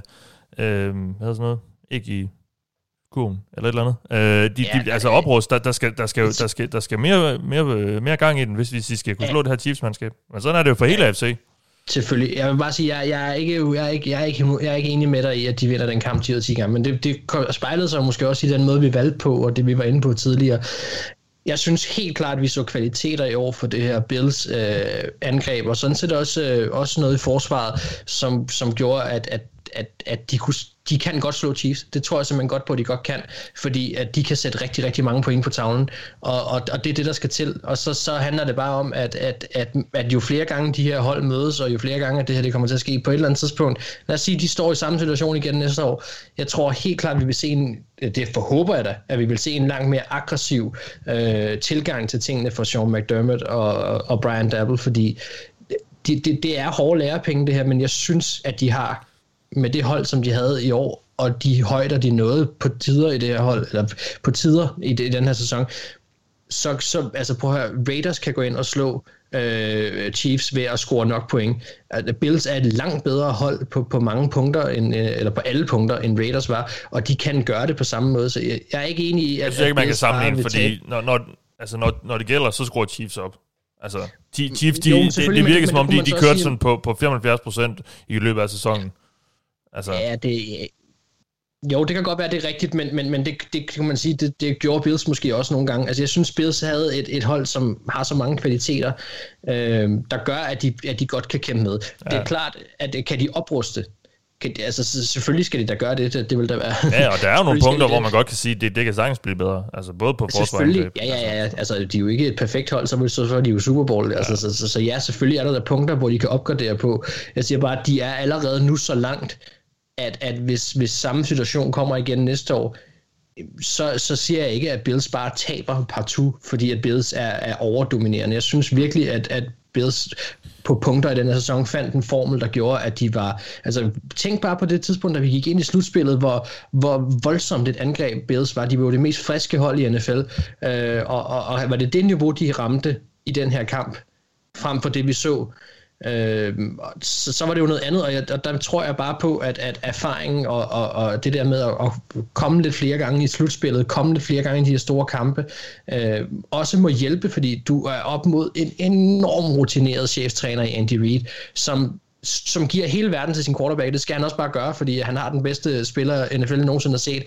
Øh, men, men oven i det, der er den der giftige kombo, og der, og der, der vil alle være urutineret. Øh, måske lige over Bill Belichick. Ja. Og, og der, jo mere rutine du får og sådan noget, det, det, ja, jeg siger bare, Bills, jeg synes ikke, at Bills er en walkover for Chiefs øh, automatisk. Nej, det, det synes jeg heller ikke nødvendigvis, det er, men jeg synes bare, der, der, der, der, Det er bare, når du siger, at de taber 10 ud af 10 gange, så, så tænker Jamen, jeg, jeg, så er det jeg, jeg, jeg, jeg justerede den og sagde i hvert Det er fald... jo ikke walkover. Jeg, jeg, sagde, jeg justerede den og sagde 9 ud af 10 gange, og jeg vil måske også godt gå ned på 8, men heller ikke ret meget mere. Uh, Hvis man tager kampens specifikke forløb, så taber de den jo ret ofte. Altså, b- altså bare, sådan som den udspiller sig, så taber de den jo bare næsten altid. Mm. ja, det er det. Nå, der er gået øh, over 40 minutter, vi er ikke begyndt på det, vi egentlig skulle snakke om. Men det gør vi nu. Vi skal have nogle øh, konklusioner på den her sæson, og det første, jeg har bedt jer om, det er at komme med et take på sæsonen, og hvis man ikke lige... Det er jo ikke et dansk ord, hvad fanden er det take? Altså, hvad er, det, hvad er opsummeringen af ligesom den her sæson? Øh, og Thijs, du kan få lov til at lægge ud, Ja, hvis du har lyst. Jamen, øhm, jo, det kan du tro. Jeg har, øh, jeg har taget det take med, at det ligesom blev endeliget, endeliget på, endeliget på, eller endeliget for de her 2016 quarterback, øh, hvor at, eller i hvert fald to af dem, fordi Dak Prescott, ja. han, øh, han hygger sig i hvert fald fint. Altså, jeg ved ikke, om han går, han er nok i gang med at genoptræne, men, Der er nok lidt ondt i men, øh, benet. Ja, han har måske, ja, måske. Øh, Jeg ved ikke, om han er ved at komme sig efterhånden til. Han, han, han er nok ikke ondt længere, håber jeg. Det er ved at være mange måneder siden. Men, øh, men han er jo selvfølgelig, øh, han er selvfølgelig en fin quarterback. Men altså, de to topnavne fra 2016-draften, for mig var det her lidt sæson, hvor de forliste på en eller anden måde. Øh, både Jared Goff og Carson Wentz havde ikke gode sæsoner. Carson Wentz selvfølgelig den, den klart værste, det- og det har vi snakket om mange gange, jeg gider ikke gå ned i detaljerne. Alle ved, at det var en fuldstændig forfærdelig sæson fra hans side og fra Eagles side, og endte med ham, han blev bænket, og vi ved ikke, om han øh, kan genvinde starterjobbet, eller hvad ved jeg. Men det var en fuldstændig skrækkelig sæson, så man, altså, man har slet ikke forestillet sig, at det kan gå så galt, øh, selv hvis man mente, at, at Carson Wentz var overvurderet. Øh, men samtidig med det, så så vi jo også Jerry Goff, som jeg, altså, han havde en forfærdelig sæson sidste år, men der tænkte man, okay, dårlig offensiv linje, øh, det hele fungerede ikke, og det, det var bare en dårlig sæson for Rams. Lad os prøve at se, om vi ikke kan få det i gang igen. Jeg synes i år, at jeg synes ikke, at Goff han spillede dårligt i år. Jeg synes bare, at i år var det tydeligt, at han bare er så super begrænset, at jeg ikke tror, han er manden øh, på lang sigt for Rams. Det lyder heller ikke som om Sean McVay synes. Nej, det, det er jo så også øh, et, en anden pointe. Det er jo så selvfølgelig, vi ved, at hele Eagles-situationen er kaotisk, og det kan godt være, at de giver Wentz chancen igen. Men der er jo ikke nogen garanti om, at han nogensinde bliver en quarterback, der skal starte for dem igen. Men det samme kan man måske sige også Rams. Fordi som du siger, efter sæsonen, i deres øh, afsluttende pressemøde efter sæsonen, eller efter slutspilsnederlaget, øh, hvad hedder til Packers, var McVay jo, og uh, Les Snead har også været ude af general manager, og, og komme med en masse udtalelser, hvor de, de vil ikke garantere, at Goff han er starter næste år. De vil ikke garantere, at han er deres langsigtede starter, og de vil ikke garantere noget som helst for Jerry Goff. Og det lyder jo virkelig på mig som en trænerstab, og en McVay, der er træt af at skulle begrænse sit angreb super meget til Jerry Goff, som jo godt kan eksekvere et angreb, så længe alting er fint og perfekt og sådan noget. Men lige så snart han møder et godt forsvar, eller han møder et forsvar, hvor han ikke har enten løbespillet og, og læne sig op af, eller god beskyttelse og læne sig op af, så, så, så falder han jo bare fuldstændig fra hinanden. Og, og det er ikke noget med, at så spiller han bare middelmådet. Nej, han falder fra hinanden fuldstændig. Hans bundniveau er meget, meget lavt, når han ikke har øh, optimale betingelser. Og det, det virker som om, at McVay er rigtig træt af, at han har en, en type som Goff, der, der ikke kan håndtere presset, og som er immobil, og, og, og, og ikke kan levere, når, når det bare er altså netop uden for struktur, eller når det bliver lidt svært. Øh, og, og, og det lyder jo det lyder legitimt som, at de vil prøve at gå ind til offseason, enten og prøve at hente noget mere ind på quarterback til at konkurrere med Jared Goff, eller så lade Jared Goff og John Warford øhm, konkurrere om starterjobbet. Warford, som vi jo så i, i hvad hedder det, i, i kampen mod Arizona i uge 17, og så i et enkelt quarter af slutspillet. Eller et halvt quarter af slutspillet, eller hvad det blev til mod Seahawks, inden, at, meget, ja. inden han blev øh, skadet, fik en nakkeskade. Øh, så Ja. Altså det, det er jo virkelig bare, altså for en mand, man har givet en stor kontrakt, og det, det samme gælder selvfølgelig Wentz, så er det jo bare et kæmpe erklæring, skulle jeg til at sige, mm. at, at man er i en situation, hvor man ikke vil garantere ham starterjobbet, og hvor man øh, potentielt skal sætte ham i en quarterback-konkurrence i Goffs tilfælde med en undrafted free agent, uh, undersized, uh, skulle til at kalde ham cirkusstatist i John Warford. Altså, det, det er jo bare ikke en mand, som, som Goff han burde konkurrere med i forhold til, hvad der er investeret i Goff. Og det for mig at se på lang sigt, så, så, så er det her sæsonen, hvor at, at det endeligt startede for, for de her to quarterbacks. Jeg tror ikke, at nogen af de her to vender tilbage på et niveau, som er værd at satse på øh, langsigtet. Det kan godt være, at de kommer tilbage i ligaen og starter nogle kampe, og kan måske også godt have en rimelig sæsonhister her det her det er ikke to Super Bowl quarterbacks. Jeg ved godt, Goff har været i en. Jeg tror ikke, han kommer ind, tilbage i en Super mm. Bowl. Jeg tror ikke, Carson Wentz kommer tilbage i en Super Bowl. Uh, ikke at han har været i en Super Bowl, men uh, jeg tror ikke, de to quarterbacks kommer i en Super Bowl igen, og jeg tror ikke, at de to quarterbacks bliver uh, top 10 quarterbacks igen. Og jeg synes, at det var 2016, eller 2020-sæsonen, der uh, endeligt drage den konklusion ja. for de her 2016 quarterbacks. Og det er lidt sjovt, synes jeg, ovenpå en 2019-sæson, øh, som jo i høj grad var Mariota og øh, Jameis Winstons øh, endeligt mm. på en eller anden måde. Øh, to af de to top i 2015-draften, som jo så også i deres tilfælde øh, fire år, og det er så også øh, fire, her fire år efter, øh, ja, det er ret vildt. en sæson, som bare ja. øh, ikke er god nok. Man kan sige, Mariota og Winston, der var tegnene, der øh, aldrig på, at, at, at de rigtige ville blive gode, men, men Ja, jeg synes i hvert fald, at det var en meget markant sæson for Goff og Wentz i forhold til deres fremtidsudsigter. Ja, det er nogle ret vilde forløb, de har været igennem, de to quarterbacks egentlig. Øhm, på forskellige måder selvfølgelig, men Goff, der starter, ser forfærdeligt ud som rookie, får så en head coach, der virkelig forløser ham, og så alligevel ikke. Og så Wentz, der starter som lydende og torden, øh, også i sin rookie-sæson, hvor han så ret godt ud. Han starter i hvert fald godt, så kan det godt være, det gik lidt ned, men i sin anden sæson ligner en MVP, indtil han blev skadet og så siden bare øh, falder mere og mere sammen. Øh, er der en lektie i det her med, at man måske lige skal slappe lidt af med at give sine unge quarterbacks øh, nogle kæmpe kontrakter, eller hvad? Eller er det bare anomalier, fordi Cowboys ville nok ønske, at de havde gjort det med Prescott. Jeg tror også, Chiefs er ret glade for, at de gjorde det med, med Mahomes. Øh, ja, altså der, der, det, det er jo nok øh, meget afhængigt af situation til situation. Altså med Mahomes og, og Watson og de her typer, som jo allerede på det tidspunkt, de bliver forlænget, er øh, top 5-agtige quarterbacks. Altså Mahomes selvfølgelig en top 2-agtig quarterback, da han blev forlænget, øh, hvis ikke en top 1 allerede der. Ikke? Øh, Watson sådan lige på kanten af top 5, og nu er han i hvert fald i top 5. Så, så dem må man ikke tøve med, når de viser så højt niveau. Men det niveau var Wentz og Goff trods alt aldrig op på. Nej, jeg ved godt, Winter fik meget hype i en periode. Men, men altså med de der borderline top 10, øh, Goff nok i mange år, en lidt middelmådig quarterback, Øh, han, selvom man havde en god, øh, det må have været to, en god 2018-sæson, øh, så, så, øh, så vil jeg helt sikkert sige, at så er der en lærestreg her, at man, man, så må man lige tænke sig om, og lige måske lade dem se, se dem præstere godt over en længere periode. Altså Goff, han var jo han var en top 10 quarterback i den der 2018-sæson, men der var jo også, altså, som du siger, dårlige takter før det, og der var også i 2018, var der jo begrænsninger i hans spil, øh, så man tænkte, kan jeg vide, at man kan gentage 2018-sæsonen, når det ene og det andet og det tredje. Ikke? Og der, der skulle de måske lige have slået koldt vand i blod og set ham bare mm. præstere godt i bare mere end en sæson i hvert fald. Ja. Og det kan man jo sige, det synes jeg jo også, at Watson og Mahomes, da, da de blev forlænget, har de jo også præsteret i mere end en sæson. Mm. Og det er måske det, man lige skal se. Kan man se dem være en top 10 quarterback eller en god quarterback i mere end en sæson? Og det synes jeg jo aldrig, Wentz eller Goff har, har vist. Og det er måske en lektie, der er nogen, der, der skal lære. Og det er jo også, øh, apropos Bills, så bør de jo nok også lige øh, tage den fjerde sæson med Josh Allen med, før de forlænger ham. Øh, nu kan man så sige, at Josh Allen var nok på et niveau i år, som hverken Goff eller Wentz nogensinde har været på. Så. Nu siger du uh, Goff og Wentz nok, uh, vi endelig har fået set, at de aldrig bliver top quarterbacks. Jeg tror også, de næste to quarterbacks, der bliver taget i den draft, dem er vi ret sikre på efterhånden ikke bliver til noget. Det er jo Paxton Lynch og Christian Hagenberg, kan jeg se. Så uh, dem, uh, de, de uh, men dog det er modet til Mathias. Ja, men jeg, jeg, jeg, jeg, jeg, jeg, Ja, jeg ved godt, det, det, det er lidt et, et vildt take, men uh, nu, nu, nu prøver jeg lige at kaste det ud, så ser vi, hvordan folk reagerer. Nå, Mark, vi skal... Vi skal...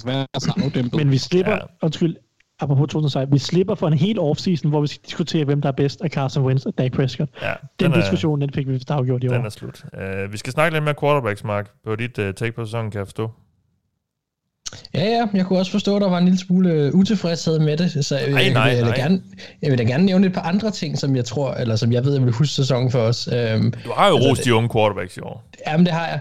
Altså, jeg vil sige, der, der, der er jo vanvittigt mange ting, man kommer til at huske den her sæson for, synes jeg. Altså, Absurd mange point har vi ikke Patriots, hvor Brady ikke spiller. Uh, et, en sæson, hvor Browns og Bills uh, kommer tilbage i slutspillet på den måde, som de gør osv. Altså, det er jo klart nogle ting, der vil stå Øhm, men, men, men ja, altså jeg, jeg har valgt at tage lidt sats, og jeg har rost de unge quarterbacks tidligere, og det er den tråd. Øhm, fordi jeg synes, der var en sjov sammenligning øh, med den årgang, der hedder 04, som er Rivers, Manning og Big Ben. Øh, nu må vi se, hvad der sker med Big Ben, men, men Rivers har i hvert fald sagt stop, og det vil sige, at øh, indtil videre er Big Ben den eneste, der er tilbage. Og øh, jeg synes, jeg synes, det er lidt interessant, om, øh, om vi vil se tilbage på den her draft og den her sæson som, som den nye 04. Øhm, og der, der tænker jeg jo selvfølgelig bestemt på, øh, på Joe Burrow og, og på Herbert. Og så er der jo selvfølgelig spørgsmålstegnet Tua. Hvad kommer der til at ske ved ham? Øhm, fordi han sluttede jo bestemt ikke så overbevisende, som man kunne have håbet på. Men omvendt så er han på et hold, som afhængig af, hvad de gør i draften, er på vej frem og han potentielt kan stå som leder for. Øh, så han, hans navn øh, kan stadigvæk, kan man sige, blive buffet op med årene, og den måde, man vil tænke på den her sæson på.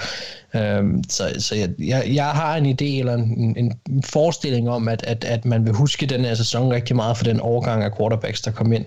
Øh, fordi jeg synes, de viste de viste en enorm høj klasse, øh, og specielt, øh, specielt Joe Burrow og, og Justin Herbert, som var en, en, en glædelig overraskelse øh, for mange, og inklusive mig selv også. Øh, det, det, det, jeg synes simpelthen, det var så underholdende, og, øh, og det var ærgerligt, at, at Joe Burrows øh, sæson blev forkortet, men måske også okay for ham, så han ikke blev slagtet fuldstændig. Han havde jo bevist, at, øh, at, han, at han, han var en fungerende NFL-quarterback, og nu er det så spændende at se, hvad der så sker med ham videre han, frem i Bengals. Han endte netop med at blive slagtet Ja, det er jo sådan set det, ja.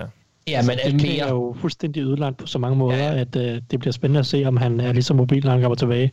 Ja, det er selvfølgelig rigtigt. Der er et stort spørgsmålstegn der, der, der, der bliver spændende at følge. Det, det er rigtigt. Det, det er det. Um, ja, jeg tror måske, jeg forestillede mig, at han kunne blive yderligere ødelagt øh, på andre måder, fordi at der øh, absolut ingen beskyttelse var, så det også mentalt gik ud over, hvordan han spillede osv. Det ved vi selvfølgelig ikke, om det gør endnu. Øh, men, han er iskold. Ja, det, det, satser vi, det satser vi da bestemt på, han er. Uh, jeg håber jo både for din skyld, Mathias, men også for ja, alle os som NFL-fans, fordi tak. at han, han er en fed spiller, og jeg vil, jeg vil have en Joe Burrow på topniveau i 17 år. Altså, så, uh, så det håber jeg, vi får. Mm. Og det er rigtigt, der er nogle, nogle ubekvemtheder, eller nogle, nogle, nogle spørgsmålstegn med det her. Det er jo hypotetisk, men jeg synes bare, at uh, taget, taget sådan lidt ud af, af nogle af de andre quarterback-overgange, der har været, så var der noget, jeg, sy- jeg synes, der er noget specielt i, i Herbert og Burrow, som, som kommer til at være noget, som, som vi vil huske den her sæson for rigtig meget. Når ja, det var året, de kom ind, og det var året, hvor de, de gjorde sådan og sådan. Og så lad os så se med Ture, om han kan følge med, fordi så, så kan den der 0-4-sammenligning måske øh, følge med. Ikke? Ja, det var selvfølgelig Manning, Rivers og Roethlisberger, der kom ind i ligaen det ja, år, præcis, som ja. alle tre havde øh, virkelig, virkelig gode. Øh, karriere. Og, um... Ja, fælles for dem er jo, at de var forholdsvis lange, øh, og, øh, og de var starter, ikke? og så, så er Manning og Big Ben fik lov til at spille de store kampe i Super Bowl der. Ja, ikke? Og også vente på desværre. stykker. Ja. Jeg har også ventet, men jeg har desværre aldrig ondt Philip Rivers at, at, at komme så langt, men uh, sådan det. Øh, så lad os gå videre til Anders. Og øh, du havde specifikt udbedt at, at komme sidst i, øh, i den her trækløver, fordi det, det lidt øh, var, var på deres skulder. Du gerne vil sige noget, eller hvad? Ej, men det, der var en risiko for, at de, de kunne komme til at sige noget af det samme, som det jeg ville ind på. Okay. Så jeg ville bare se, hvad jeg så skulle udelukke, hvis det var. Fordi at min konklusion på i år, det er, at AFC virker som den klart stærkeste konference lige nu. Og for fremtiden også. Øhm, jeg synes, vi har set, at AFC cementerede sin position som den stærkeste division eller konference. Øh, vi kunne se det i forhold til de hold, der kom i playoffs, hvor det krævede 11 og 5 for at nå playoffs i AFC, mens 8 og 8 var nok for det dårligste hold i NFL, NFC. Men jeg synes ikke kun, at det er i forhold til sejre. Jeg synes også, der er langt mere glasur på toppen af AFC-kagen. Altså i AFC i år kunne jeg, hvis vi nu siger, at Chiefs ikke fandtes, se langt flere hold have en mulighed for at vinde Super Bowl. Øh, Chiefs er, findes, så de er selvfølgelig en del af det, men ellers så kunne jeg også godt have set Bills, Ravens og Browns, der have en trup, der enten ville give dem favoritværdigheden, eller en tæt på 50-50, hvis de nåede Super Bowl, mod et af de tre hold hos NFC, som jeg ser som titeludfordrer i, i 2020. Mens vi også samtidig har Titans, Colts og Steelers, der alle havde en trup, der kunne have vundet, hvis de havde haft held og dygtigheden på dagen. Men jeg mm. egentlig kun hos NFC ser Packers, Bucks og Saints. Øhm, de vil nok alle tre have vundet over Titans, Colts og Steelers, men, men det er jeg ikke engang sikker på. Og i forlængelse af, af det, som både Mark og Thijs var inde på, så ser jeg det også ser det også væsentligt mere lyst ud i fremtiden for AFC. Jeg kiggede nemlig lidt på quarterbacks under 30 i begge konferencer, i, i begge konferencer og inddelt dem i seks grupper. Jeg har lige fundet på en ekstra en. Uh, franchise QB, potentielt franchise QB, alt for ung til, at jeg kan bedømme det endnu. Skrådstræk har haft Adam Gase. Øhm, Andy Dalton, og så øh, ung, men nok ringe. Og her har AFC fire af det, som jeg vil kalde klare på øh, franchise quarterbacks under 30. I Mahomes, Watson, Josh Allen og Lamar Jackson. Det kan godt være, at jeg er en homer der, men det har jeg. Mens jeg i NFC kun ser en enkelt i Dak Prescott. Øh, potentielle franchise quarterbacks har NFC en i Kyler Murray, der er meget tæt på at, at, at joine Dak. Jeg vil bare gerne se lidt mere end øh, 5, 10 og 1 ja. og 8 og 8. Ja.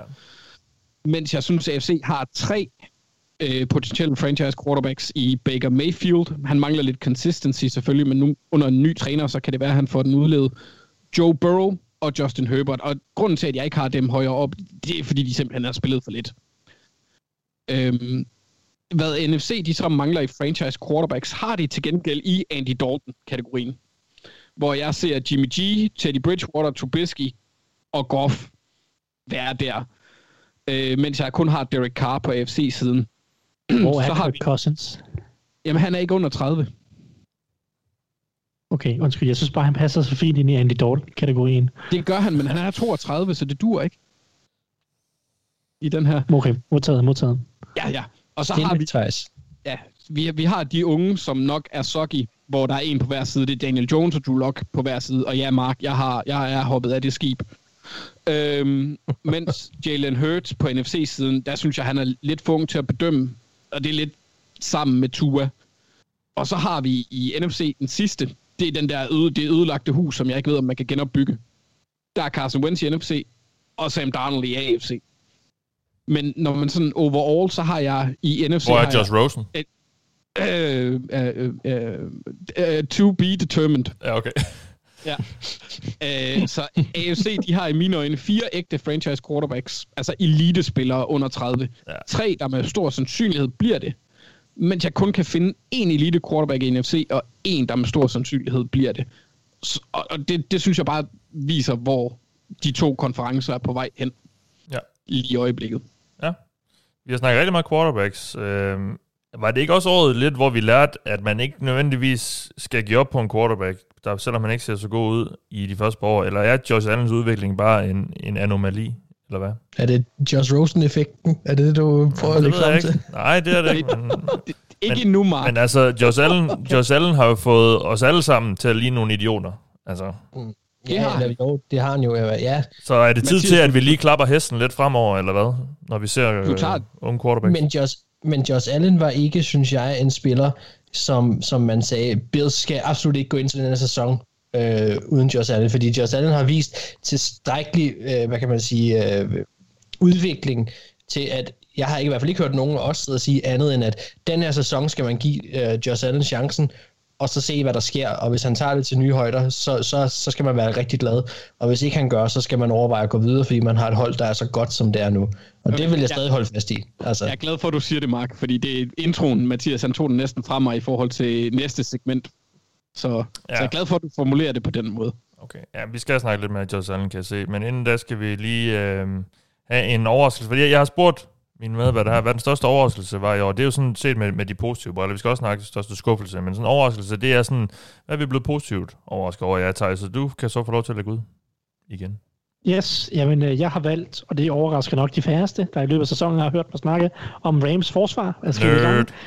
Men det er dem, jeg øh, er mest overrasket over. Og øh, jeg synes, at de leverede en fremragende sæson.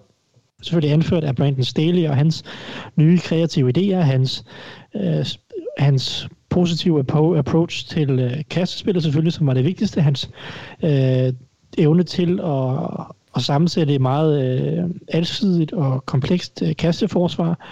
Øh, derudover at lave nogle spændende ting med, med hans, hans fronts, øh, den defensive linje, øh, både i forhold til den måde, de øh, sammensatte en eller anden form for øh, rushplan, øh, blitzplan, øh, og- de stunts, de lavede deroppe, men også bare nogle af deres filosofier omkring, hvordan man stopper løbet, selvom man, man øh, spiller kastet først, altså det vil sige, at man ikke pakker boksen.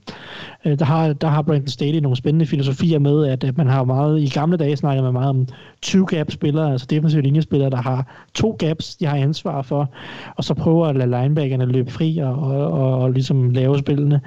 Og i nutidens NFL, der er det lidt mere sjældent, at man bruger rigtige 2-gap, 2-gap øh, approaches, men at man mere øh, har et gap øh, hver, og så ligesom øh, lader linebacker og, og safeties øh, hjælpe til med at, have, med at have et gap også. Øh, men der har Brandon Staley en filosofi lidt med at køre halvanden gap, øh, og, arbejder på noget teknik der hos de defensive linjefolk, hvor at de ligesom hvor det, at, at de defensive linjefolk ligesom skal arbejde med halvanden gap hver, øh, og så det gap, som de ikke har fuld ansvar for, der, der arbejder de på at squeeze det nok, til at, at det ikke rigtig bliver et problem for dem. Og det synes jeg er spændende. Jeg synes, Brandon Staley havde mange spændende idéer øh, både i forhold til kastespillet og løbespillet.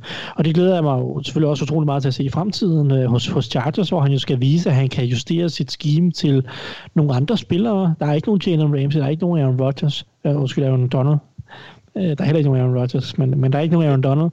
Godt kaldt. men tænk, tænk, så er der en type som David James, der jo også skal gøre en masse ting nede i bagkæden, og så er der en type som Joey Bosa, der også er fantastisk op foran. Øh, Så jeg, jeg glæder mig meget til at se, hvad han kan finde på hos Chargers. Men ellers, så- altså, ellers for mig var det jo en kæmpe overraskelse, at de var så gode. Jeg synes, det var ligaens bedste forsvar. Øh, jo mere og mere, som, som, som, som sæsonen skred frem. Ja. Øh, og det var der ikke nogen, der havde set komme med en, en gruppe, hvor man sad og tænkte, hvem andre end, end Donald er der på den defensive linje? Øh, hvem andre end Ramsey er der i, i bagkæden? De har ikke nogen linebackers. Og vi sad og snakkede om, at de skulle ud og opfinde typer, og det gjorde de jo i Darius Williams, og øh, jeg synes også Michael Kaiser øh, gjorde okay ting på linebacker i perioder. Leonard Floyd havde en god sæson, og, og så videre, og så videre. Øh, de fik en masse spillere til at toppræstere og også spillere, som vi ikke rigtig øh, havde nogen forventninger til. Og det må jo bare, jeg synes jeg, er kæmpe kredit til, til Brandon Staley og resten af den defensive stab. Og det synes jeg var en, det synes jeg var en største overraskelse i år. Kan du huske, hvilken uge det var, du nørdede igennem med dem Øh, i vores podcast? er det et quizspørgsmål? Nej, nej, det er sådan, så, jeg ej, kan, så, så kan folk gå tilbage og høre det. Ja, okay. Men så, så det, det var bare, der var meget pres, der var på os til at svare rigtigt. Det, der er Øh, altid jeg- pres. Der er altid pres. Jeg husker det som værende uge øh, 7-8 stykker. Ej, jeg, jeg tør ikke sige det. Mellem uge 6 og 9 vil jeg gætte på. Okay. Det er jo ikke, fordi de skulle møde et eller andet bestemt hold. det, det, har nok har det ikke været i vores halve konklusioner. Det kan godt være. Eller, jamen, jeg følte det jo som om, at det var i forbindelse med et matchup, at du... Ja, og jeg mener, at det var lige før, at de øh, spillede en eller anden meget vigtig kamp, hvor de spillede rigtig godt. Ja. Øh, så jeg, jeg har lige prøvet at se, om jeg kan finde Rams kampprogram. Det var også øh, bare lige, hvis folk vil have dig, eller høre dig, sådan nørde ret meget igennem, hvordan det er, de lighter op og så videre, og hvordan de har været kreative, så kunne man gå tilbage og høre det. Mit, Nå. gæt, mit, gæt er, mit gæt er, at det har været uge 10 optakten, lige inden de mødte Seahawks måske. Ja, okay. Ja, Øh, det lyder så og så vandt den kamp der på, mod Seattle i UC. Ja. Det vil det vil gæt. Fint. Så må folk øh, gå i arkiverne. Nå, øh, Mark, vi skal have en overraskelse for dig. Øh, ja, Jamen, altså, jeg har valgt Miami Dolphins. Jeg synes, der var mange øh, store og gode overraskelser generelt i år, men, men altså en af dem, der imponerede mig personligt mest, det var, øh, det var det spring, som Dolphins så. Altså, de slutter som nummer to i AFC East. De kæmper seriøst med om at vinde den, og de ender med 10 sejre. Altså, det Ja, kunne det vi godt have snakket om sådan inden sæsonen, men jeg er ret sikker på, at hvis man havde forudset det her, så var det nok blevet kategoriseret som en af de lidt mere sådan friske forudsigelser. Eller måske som et hold, der sådan maxede deres best case scenario ud.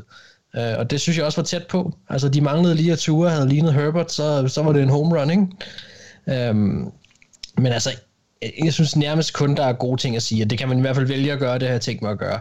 Jeg synes, deres, deres draftvalg, de, de faldt ikke fra hinanden. Øh, holdet, som generelt var underholdende, øh, specielt deres secondary var fed, øh, deres generelle rebuild-proces, det har vi rost mange gange før, men den bliver bare ved med at se ud til at virke.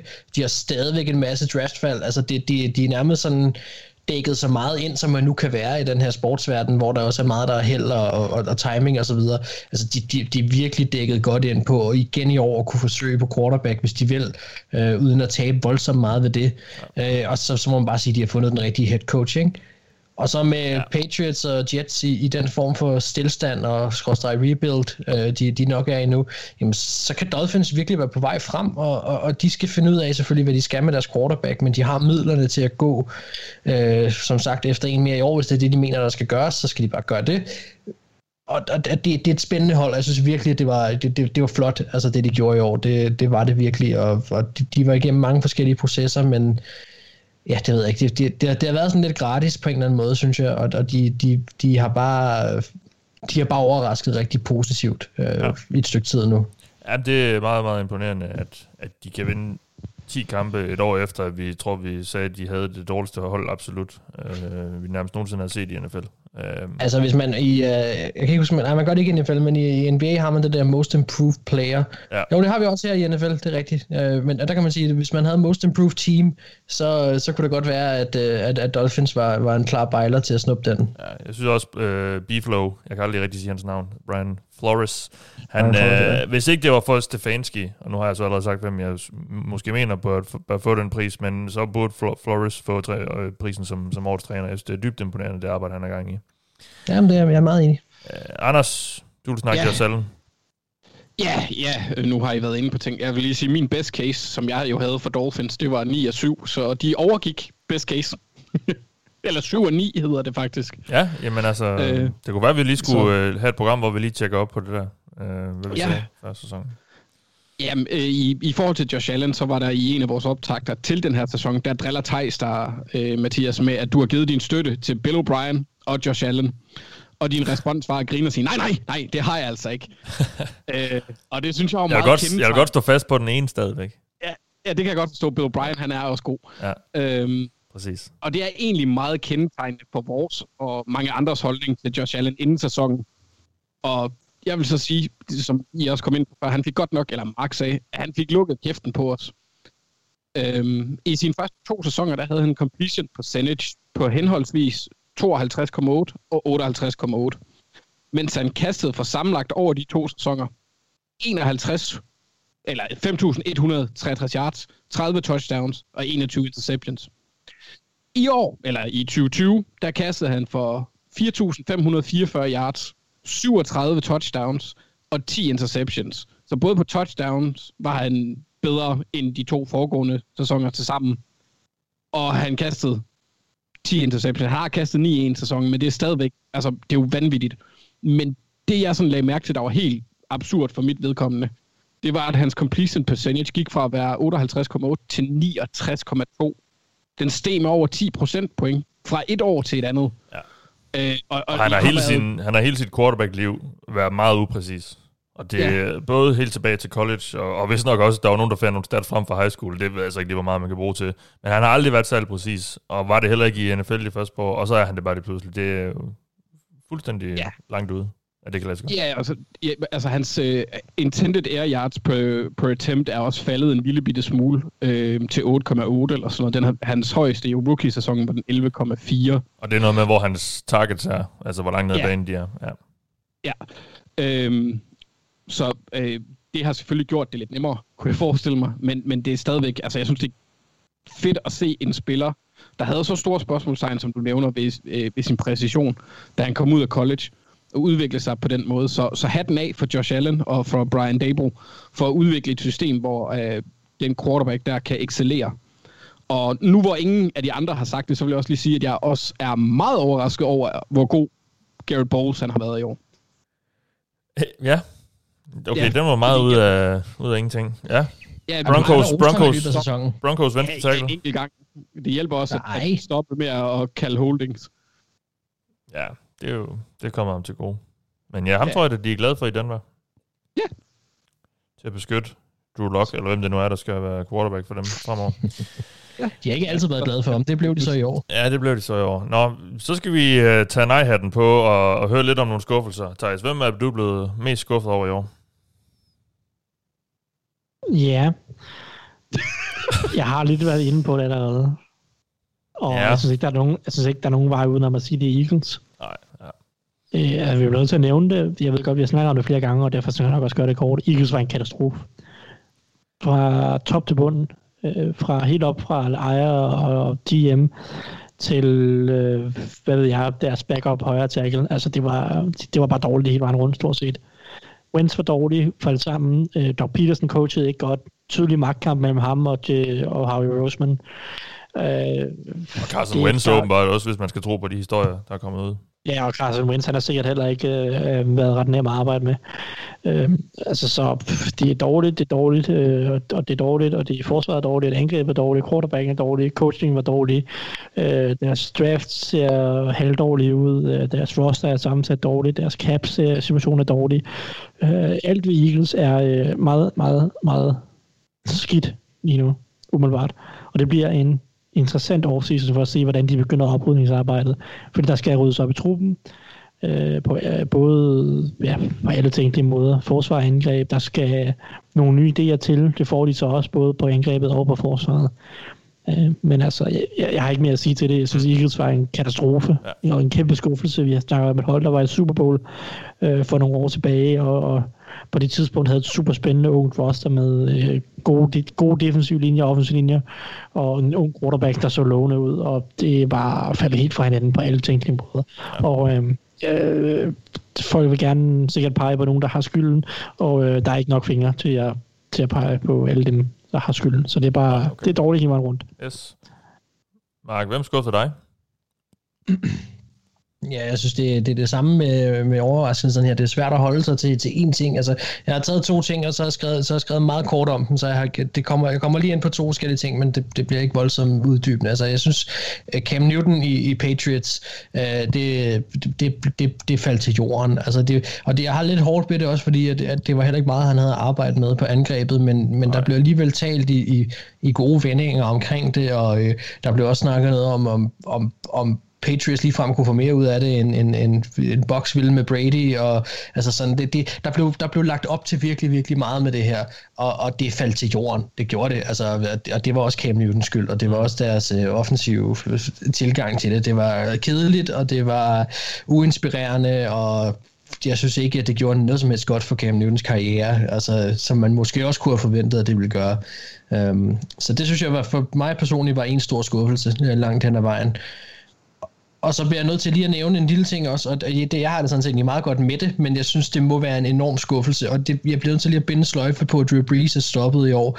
Altså, Saints i slutspillet, det er skuffende. Det er simpelthen skuffende, at man bygger så godt et hold, og ikke får mere ud af hverken Drew Brees karriere, men heller ikke af det hold, man har i år. Mm. Det er bare ikke, det, det, det synes jeg er skuffende. Det er simpelthen ikke godt nok, og, og, og vi var Ja, lidt inde på det her, da vi snakkede trænere tidligere i år, at Sean Payton, han skal højt op på listen, men, men det her, igen taber man i slutspillet og man kommer ikke videre. Altså, det, det øh, taber man til første gang her i slutspillet, og, og, og det, det, det, det er altså simpelthen bare ikke godt nok, når man har et hold, der er så godt, som det er. Der er ikke nogen undskyldninger for, hvorfor Saints ikke kunne have været i Super Bowl flere gange. Altså, de, de har virkelig, virkelig haft nogle gode hold.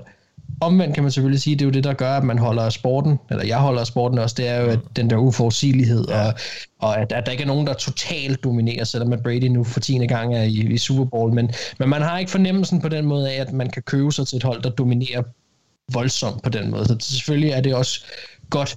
Men Saints har draftet godt, de har gjort alting rigtigt, og, og de kan bare ikke komme over den, det bump, der er i slutspillet der, og, det, og de har haft midlerne til det, og det, det må jeg indrømme, det ja, som Vikings-fan er, er, har jeg det fint med det. Der synes jeg, det, det, det, det egentlig er meget underholdende, men som NFL-fan, og jeg kunne forestille mig som Saints-fan også, så må man være skuffet. Altså det må man simpelthen være. Nu stiger man ind i en, i en meget, meget usikker fremtid, og man burde nu have siddet og kunne pensionere sig selv nærmest som Saints-fan, så kigge tilbage og så sige, nu var det her, vi skulle have vundet en masse, og i stedet så har man haft en masse gode hold, der ikke er blevet til ja, noget særligt, øh, hvis vi kigger reelt på det.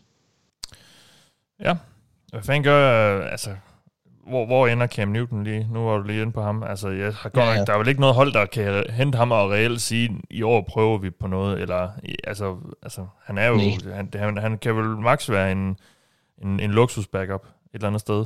Ja, øh, altså han kan vel få en James Winston-rolle James Winston -rolle et eller andet sted. Han er selvfølgelig ja. ikke lige så spændende at få i flokken som, eller folden som James Winston, fordi han er ikke lige så ung. Øh, og han har jo ligesom haft sin storhedstid, virker det til. Ja, en, han, ja. Han, altså, han er jo en luksus backup, det er der ikke nogen tvivl om, selvfølgelig vil han være det. Og det kan også godt være, at der findes en, en træner- og offensiv koordinator-konstellation, som kunne være sjov med ham, men ja.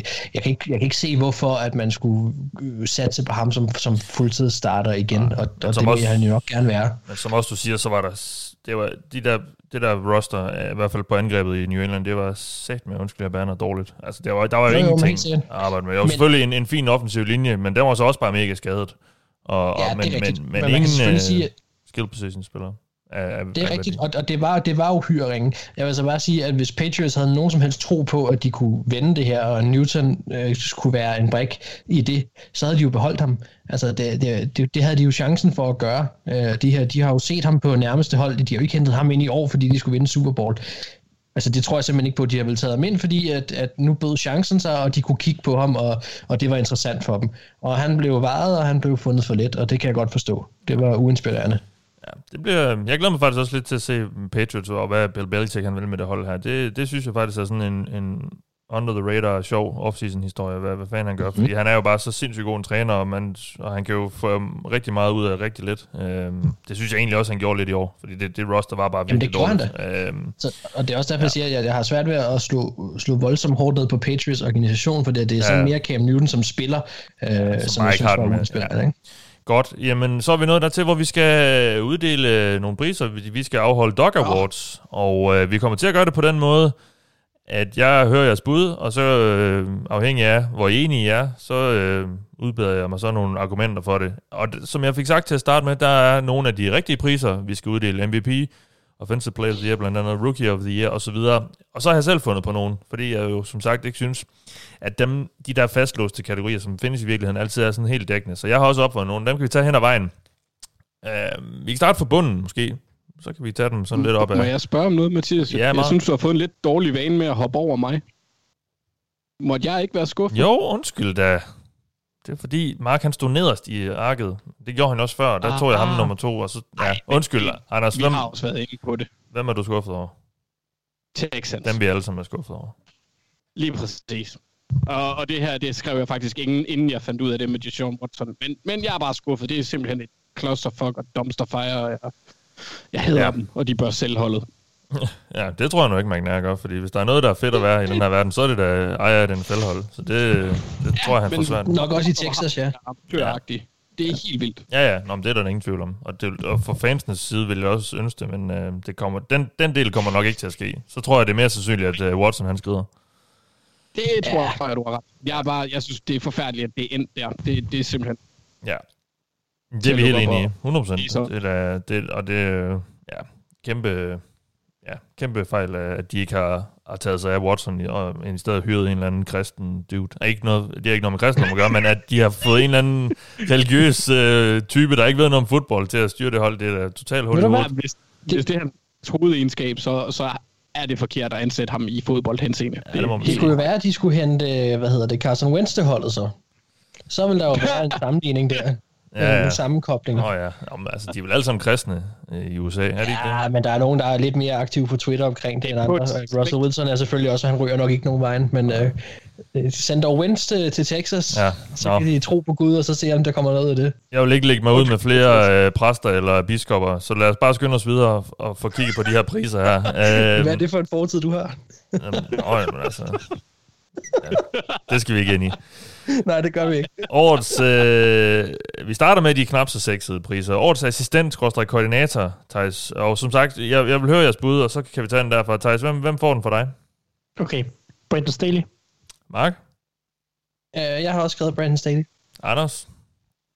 Jeg, har- jeg har skrevet Brandon Staley. Nå, jamen altså, så kan du få lov Ja, til at tale på jeres alles vegne, Thijs. Hvad siger du? Jeg synes, det var enten Brandon Staley eller Brian Dabo, men jeg synes, det Staley, han har gjort, det var, det var fedt. Ja.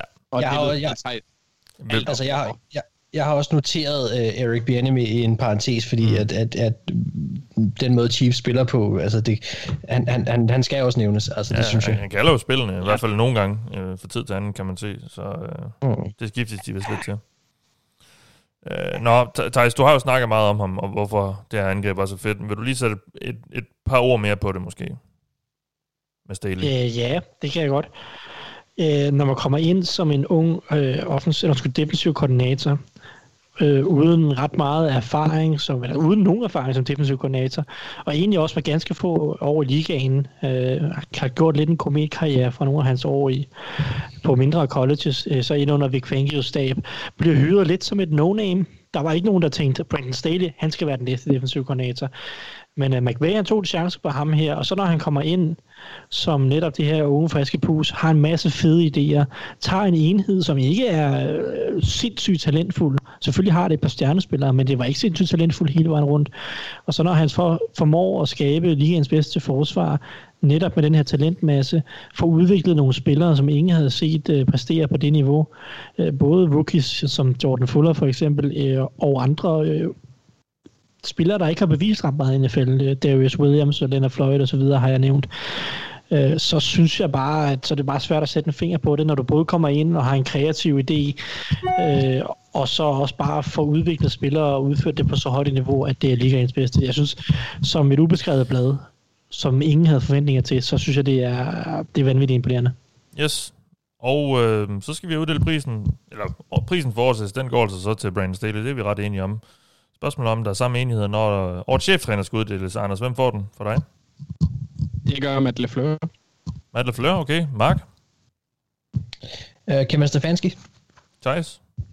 Matt LaFleur, baseret på øh, sæsonen. Okay. Det er selvfølgelig lidt øh, efter hans NFC-finale, så har man lyst til at vælge noget andet, men øh, vi vælger ud for grundspillet, så det er LaFleur. Okay, jamen det er interessant. Anders, vil du lige øh, begrunde, hvorfor? Jamen altså, jeg synes, han har gjort det bedst. det, Okay, så det er jo for ret, være øh, simpelt. Ja, Altså, øh, det angreb, de, øh, de fik, hvad hedder det, bygget op omkring Aaron Rodgers, det var simpelthen så vanvittigt. Jeg hørte i en podcast, at de skulle vist, de er 80 procent, eller i 80 procent af deres red zone optrædener, der scorer de touchdowns. Det er jo fuldstændig vanvittigt. Øhm, og jeg synes bare, de har været effektive i forhold til det materiale, der har været på banen. Kombinationen af, hvordan Rodgers han indgår i et system, hvor at du egentlig kun har en regulær receiver. Bob Tonyan øh, blev en lille bitte stjerne. Øh, MVS tilføjede det, det gav dem noget dybt. Øh, jeg, jeg synes bare generelt, det de har gjort på offense har været fantastisk. At han så har stadigvæk har Petten som, som defensiv koordinator, det trækker selvfølgelig lidt ned, men jeg synes nu heller ikke, at, at, at Browns forsvar gjorde en særlig stor forskel for dem. nej, okay. Og så synes jeg, at der er blevet udviklet flere spillere. Rashawn Gary på forsvaret, han har udviklet sig. Den offensive linje var vanvittig. Jeg, jeg synes bare, det er lige nykket højere, end hvad, hvad Browns gjorde, og de var også væsentligt bedre i grundspillet mm. som hold. Okay, jamen, vi ender jo så med at give den til LaFleur, men Mark, øh, du havde Stefanski, og det har jeg jo egentlig også. Dels fordi jeg synes, øh, altså, og det er jo tit det der med den her cheftrænerpris. Det er jo sådan lidt, hvad har der været fedt i år? Og Lafleur, han fortjener nok også baseret på de to år, han nu har været coach, fordi de har trods alt været de to NFC-finaler, de har vundet havrekampe, det er dybt, dybt imponerende, også selvom han har haft Aaron Rodgers. Alligevel synes jeg, at Stefanski han har udmærket sig i år ved simpelthen bare at forvandle det her Browns-hold, jo, som jo ja, i et par år har set rigtig talentfuldt ud, men det er jo bare, har været den kæmpe bunke af lort, som Browns jo har været i så mange år. Undskyld, jeg siger det. Men altså, han, har, han, han har fået gjort den her bunke af lort til at ligne noget, der faktisk er spiseligt af Kevin Stefanski, og derfor, derfor synes jeg, han skulle have prisen. Det synes du så også. Kan du lige sætte ord på det, selvom på ham, og hvorfor du også synes det? Jamen altså, øh, jeg vil jeg godt gå lidt tilbage til vores off-season-program igen, fordi der havde jeg ham som den bedste øh, hyring til Browns, øh, det bedste off-season move for Browns, og snakkede også om lidt hvorfor, og, og, og langt meget af det holdt sådan til stik, altså det angreb han tog med, og jeg, det, det, det var perfekt til den situation Browns var i nu, og Browns er heller ikke, det er et rigtig talentfuldt hold på angrebet, det er der slet ikke nogen tvivl om, men deres forsvar er hammerne ringe, så at Browns er så dygtige i år, som de er, er rigtig, rigtig meget, skyldes rigtig, rigtig meget hans tilgang til angrebet, og, og den måde, han har iscenesat øh, sine spillere på. Han har fået Baker Mayfield til at ligne en nogenlunde quarterback, selvom jeg synes langt hen ad vejen, han nærmest øh, f- forsøgte at, at modbevise sig selv. Altså, øh, I, I kender godt min holdning omkring ham, øh, men, men, men Kevin Stefanski synes jeg har spillet op til folks kvaliteter øh, hos Browns og fået ret meget positivt ud af, af- det her, og, og den offensive linje, der også er blevet sammensat og så videre, altså det er jo klasse, og, og det, det, det vil man bare sige, jeg synes Kevin Stefanski kom med noget, og jeg vidste godt, hvad han havde lavet hos, hos Vikings, der var han jo offensiv koordinator tidligere, og har været i organisationen der noget tid, øh, men jeg synes, at vi fik lov til at se ham udfolde sit eget system endnu mere i år, øh, bygge yderligere på med, med forskellige ting, som gjorde angrebet spændende, og, øh, og, og egentlig ret moderne, selvom at det er baseret på rigtig langt hen ad vejen på de her to running backs, som, som øh, er en kæmpe del af deres angreb. Jeg, jeg synes virkelig, det var spændende, og, og de mister Odell Beckham tidligt, men fortsætter med at, at vinde, og, og, og de kommer så langt, som de gør, altså at bryde den tørke, som du også snakkede om, øh, det, det, det skal han også have kado for, så, ja. så jeg synes bare, at der, der er mange ting her, det handler også lidt om historien og så videre, øh, men jeg må indrømme, jeg har også skrevet Matt LaFleur ned, så det er ikke fordi, jeg er, er vanvittigt uenig med de, med de to andre, men jeg har Kevin Stefanski over. Yes. Og så til den pris, den eneste af de priser i aften, som vinderen nok slet ikke har lyst til at få. Det er Breakdown Player of the Year. Fordi vi snakkede, jeg tror, vi snakkede lidt om det inden sæsonen, hvor jeg kom med nogle, hvor jeg gerne ville have nogle bud på, hvilke spillere, der kunne falde lidt nu. Jeg, jeg spurgte i hvert fald, hvem der kunne stige mest i niveau. Nu bliver jeg faktisk i tvivl om, jeg spurgte også, hvem der kunne falde. Men jeg har altså en pris her, til, der skal gå til den spiller, som faldt mest i niveau i år. Det, siger, det indebærer så også, at vedkommende har været ret god en gang. Thijs, hvem, hvem får den for dig? Øh, jamen, jeg laver Eagles hat og så siger jeg Carson Wentz. Skønt. Mark? Jamen, er enig? Okay, Anders? Jeg, jeg laver øh, det ovale kontor hattrick og siger Carson Wentz. Ja. Nå, men den behøver vi vel så ikke få nogen uddybelse på. Vi har snakket rigtig meget om, hvorfor Jeg synes også, den er tydelig. han har været så dårlig. Ja, det giver lidt sig selv. Nå, Breakout Player of the Year, den er lidt sjovere. Øh, dem fik jeg i hvert fald nogle kandidater på. Jeg kan slet ikke lige huske dem nu, faktisk, når vi sidder her. Men øh, vi snakker ja, i hvert fald inden kan godt sæson- huske den ene, Mathias. Øh, Allen? Eller? Ej, din. Min, min. Jeg havde en. Nå, men hvem var det? Det var Jesse Bates. Nå, ja da. Ja, og det fik han da så sandelig. Selvom han... Ja, det synes jeg da. Ja. Nå, men så lad os høre, hvem du vil give den til. Er det Jesse Bates? Ja, det er så. Dejligt. Så snakker vi Ja, da bare i en halv super. time om ham. Jamen, 87 taklinger, øh, tre interceptions. Han fører ligaen i pass breakups i, fra safety-positionen, vil jeg mærke. Og så scorer han også touchdown. Og så er han sammen med Carl Lawson, Joe Burry og måske også lige T. Higgins. Et af få lyspunkter for Bengals i år. Ja. Og han er den højst rated safety inde hos PFF. Mm. Men han er bare her Dejlig der alle vegne, og bare skøn at se på en fodboldbane. Absolut. Nå, hvem får den for dig, Mark? Øh, Josh Allen. Og Thijs? Øh, enig, Josh Allen. Jeg har så min under radaren spiller det så Wyatt Teller, men øh, ellers så går Ja, Josh Allen. jamen, den kan du jo give ham lige om lidt så, måske. Øh, men øh, den går så til Josh Allen, kan vi jo så konkludere, og det tror jeg heller ikke, vi mangler nogen forklaring på, hvorfor. Øh, det han har selvfølgelig været den helt store overraskelse i år, for tror jeg langt de fleste vedkommende. Nå, jamen så har jeg fundet på en pris, endnu en i hvert fald. Uh, Offensive Lineman of the Year. Jeg synes, den skulle med, fordi de får simpelthen ikke nok uh, ros, de her store gutter, der står på den offensive linje, og som jo gør, egentlig gør det hele muligt uh, i sidste ende, kan man sige, fordi uden dem, så er det ikke ret sjovt at se en quarterback kaste bolden eller en running back løbende. Så vi skal give lidt, uh, lidt hæder til en offensiv linjemand, og Thijs, uh, hvem synes du har været den bedste? Øh, ja, Jamen, jeg har snakket om ham øh, for nyligt, eller det vil sige i dag i den her podcast, og det er selvfølgelig øh, David Bakhtiari.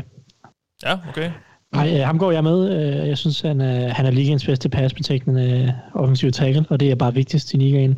Mm. Øh, 9 pressures i alt tilladt, 12 kampe godt nok kun, men øh, et, et sack tilladt. Jeg synes bare, han har et sindssygt højt niveau i, i, i kastespillet. Hvis du scorer med en i løbespillet, så var det nok Trent Williams, også for den Niners, men øh, ja. Bakhtiari, kastespillet, det er vigtigst, så han, han er min mand. Okay, men lad os se, om han ender med at få den, Mark. Hvem har du?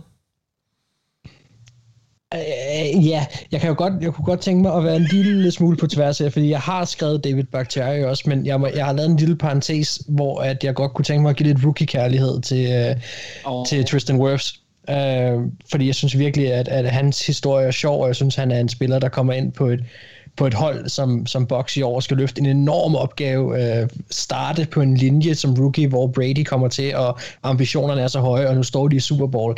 Øh, og han har været god. Det, han har været god. Altså, og det, det, det, det er jo selvfølgelig set ud, han er ikke, han er ikke den bedste linjemand i NFL. Men det er set ud fra et perspektiv om, hvor svært det må være som rookie at komme ind og være så god, som han så alligevel har været. Ja. Um, så, så nu har han nævnt, men jeg vil gerne være enig med David Bakhtiari uh, som, som den bedste i, uh, i NFL. Godt. Så lige for god skyld, Anders, høre, hvem du har.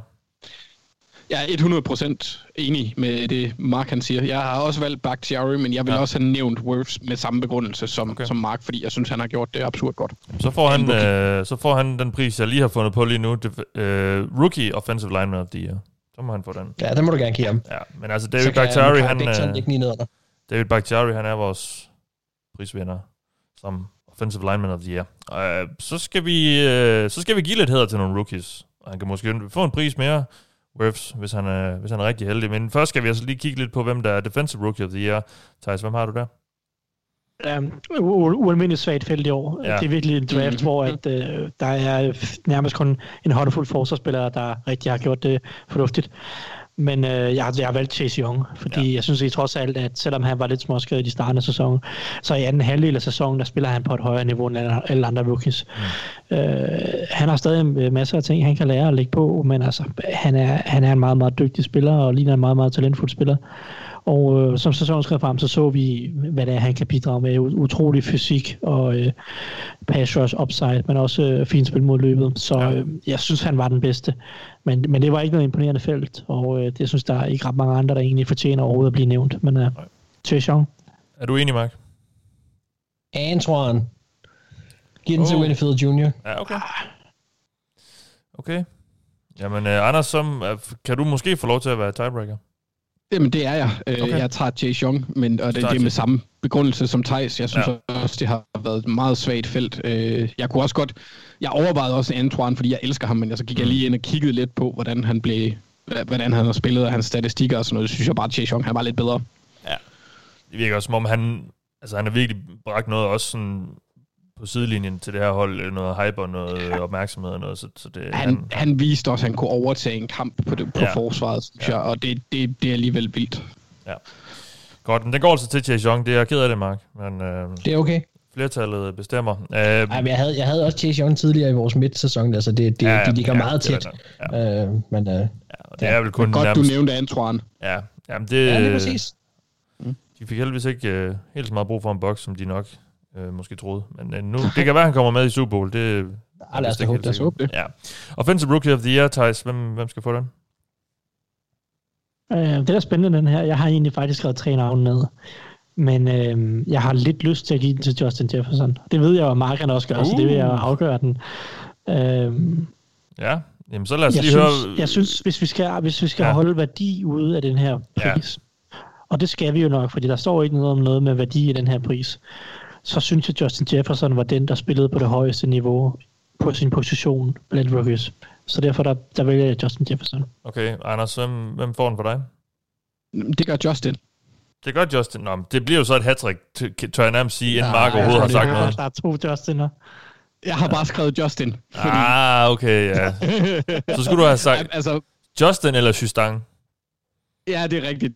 Det, det, det er min fejl. Så har vi, så har vi, så har vi vidst det. Ja, ja. Nej, øh, øh jeg er egentlig igen, føler jeg gentager Thijs faktisk om mig selv. Jeg, jeg synes, han, hvis det er uden værdi, så er det jo, så Justin Jefferson har jo brændt banen af og sat rookie-rekorder. Det har Justin Herbert sådan set også. Men jeg synes bare, at det var, det var et vildt niveau, Jefferson han viste. Men hvis værdi tælles med, så er jeg uden tvivl til Justin Herbert. Ja, hvem, hvem giver du den til, når, når nu den bare står, som den står, offensive rookie? Jeg, jeg tager Herbert nu, fordi Okay. så, så kan Mark få lov til at vælge Jefferson. Ja, Mark, det gør du vel, tænker jeg. Hold da op, det er meget tiltro, der er til mig her. hva'? øh, jamen, hvis vi bare skal være en lille smule som, som de her priser, når de bliver givet normalt, så handler historie jo også noget om det. Og der må jeg indrømme, at jeg synes, det er, det er, det er, det er et ekstra lille lag, at man, man har en receiver, som i en historisk receiver draft, vi vil tale om rigtig længe, kommer ind som Joe Burrows yndlingsmål, bliver dømt som øh, kun værende slot receiver, bliver valgt sidst i, i første runde, og den, der spiller absolut bedst af dem alle sammen. Altså det er jo helt klart noget, som, som øh, vil, vil stå for hans karriere også, at, øh, at der var nogen, der røg, og der var flere, der røg før ham. Øhm, jamen, jeg, Det kan man også sige om så Herbert. Ja, jeg skulle lige til at sige, det kan man også sige om Herbert. Altså. Mm, ja, jo, jo, det kan man måske godt med ture, men, Det kan men man. altså, Joe, jo, det kan du godt, men, men lad os nu se, hvad Joe Burrow bliver. Altså, og hvem er så, øh, altså, Jo, jo, Hvem er så men, røget før? Men det er, det er også en historie om en... Jamen, lad os nu lige se, hvad CD Lamb og, og, Ja. og, og Dick og Company der bliver. De, de er også gode. selvfølgelig, selvfølgelig er det gode, men, altså, men, men det var bare et, et fuldstændig andet niveau, vi så øh, Justin Jefferson på i år, i forhold til nogle af de spillere, øh, som sådan set måske også burde være i, i nogle angreb, som man havde regnet med, at de også kunne, kunne blomstre ret godt i, og det gjorde de altså ikke. Øh, men det er ikke dermed sagt, at de ikke kan blive gode spillere, selvfølgelig kan de det. Så du giver den til Jefferson? Men, ja, jeg vil den til Justin Jefferson. Jamen, det, er, der- jamen, det gør jeg. Okay. Hvis, du, hvis vi havde tændt for camet, så kunne I se, at jeg stod og dansede gritty lige nu. Det tør jeg Øhm, ikke.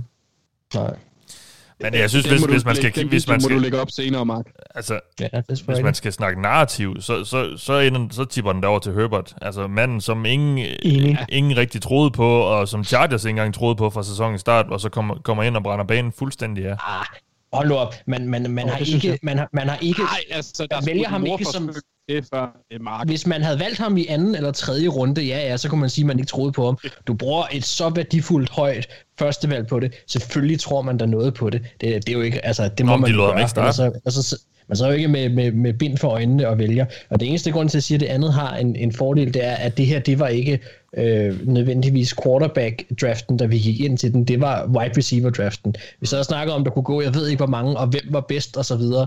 Øh, og der var ikke nogen, har jeg set, som har været tæt på at have Justin Jefferson som den, der kunne være den, der kom ud i år og havde haft den bedste sæson, eller potentielt kunne blive den bedste receiver. Der var så Nej. mange spørgsmålstegn, men alle de andre var klare slam dunks, ikke? Okay, det, med den, uh, Jefferson får den, og så snakker vi ikke mere om, at det var en Vikings-fan, der afgjorde det. Um, Du kunne også vente den om, så var det jo Thijs, så var det Steelers-fan, der ja, okay, det siger vi også. Okay, så siger vi det. Så skal vi uddele prisen, der hedder Defensive Player of the Year, not named Aaron Donald. Og det har jeg simpelthen kaldt den, fordi der er ingen tvivl om, og der kan ikke være nogen tvivl om, at Aaron Donald er den absolut bedste defensive spiller, forsvarsspiller i NFL. Øh, så han øh, bør få prisen hvert år, men de andre skal også til gode sides. Så øh, Thijs, hvilken Steelers pass rusher skal have den her pris? Jamen, det skal Tyson Alualu. Nå, okay. Nej, det. til ham. Videre. Nej, men jeg, jeg tager selvfølgelig TJ Watt, og jeg Ja. vil sige, at jeg selvfølgelig er enig i, at Aaron Donald er den klart bedste spiller. Uh, men jeg synes faktisk, at jeg synes, der er en reel debat mellem Donald og Watt. Og, Ja, måske lige og over, ja. jeg har også stemt på Aaron Donald som min defensive player of the year.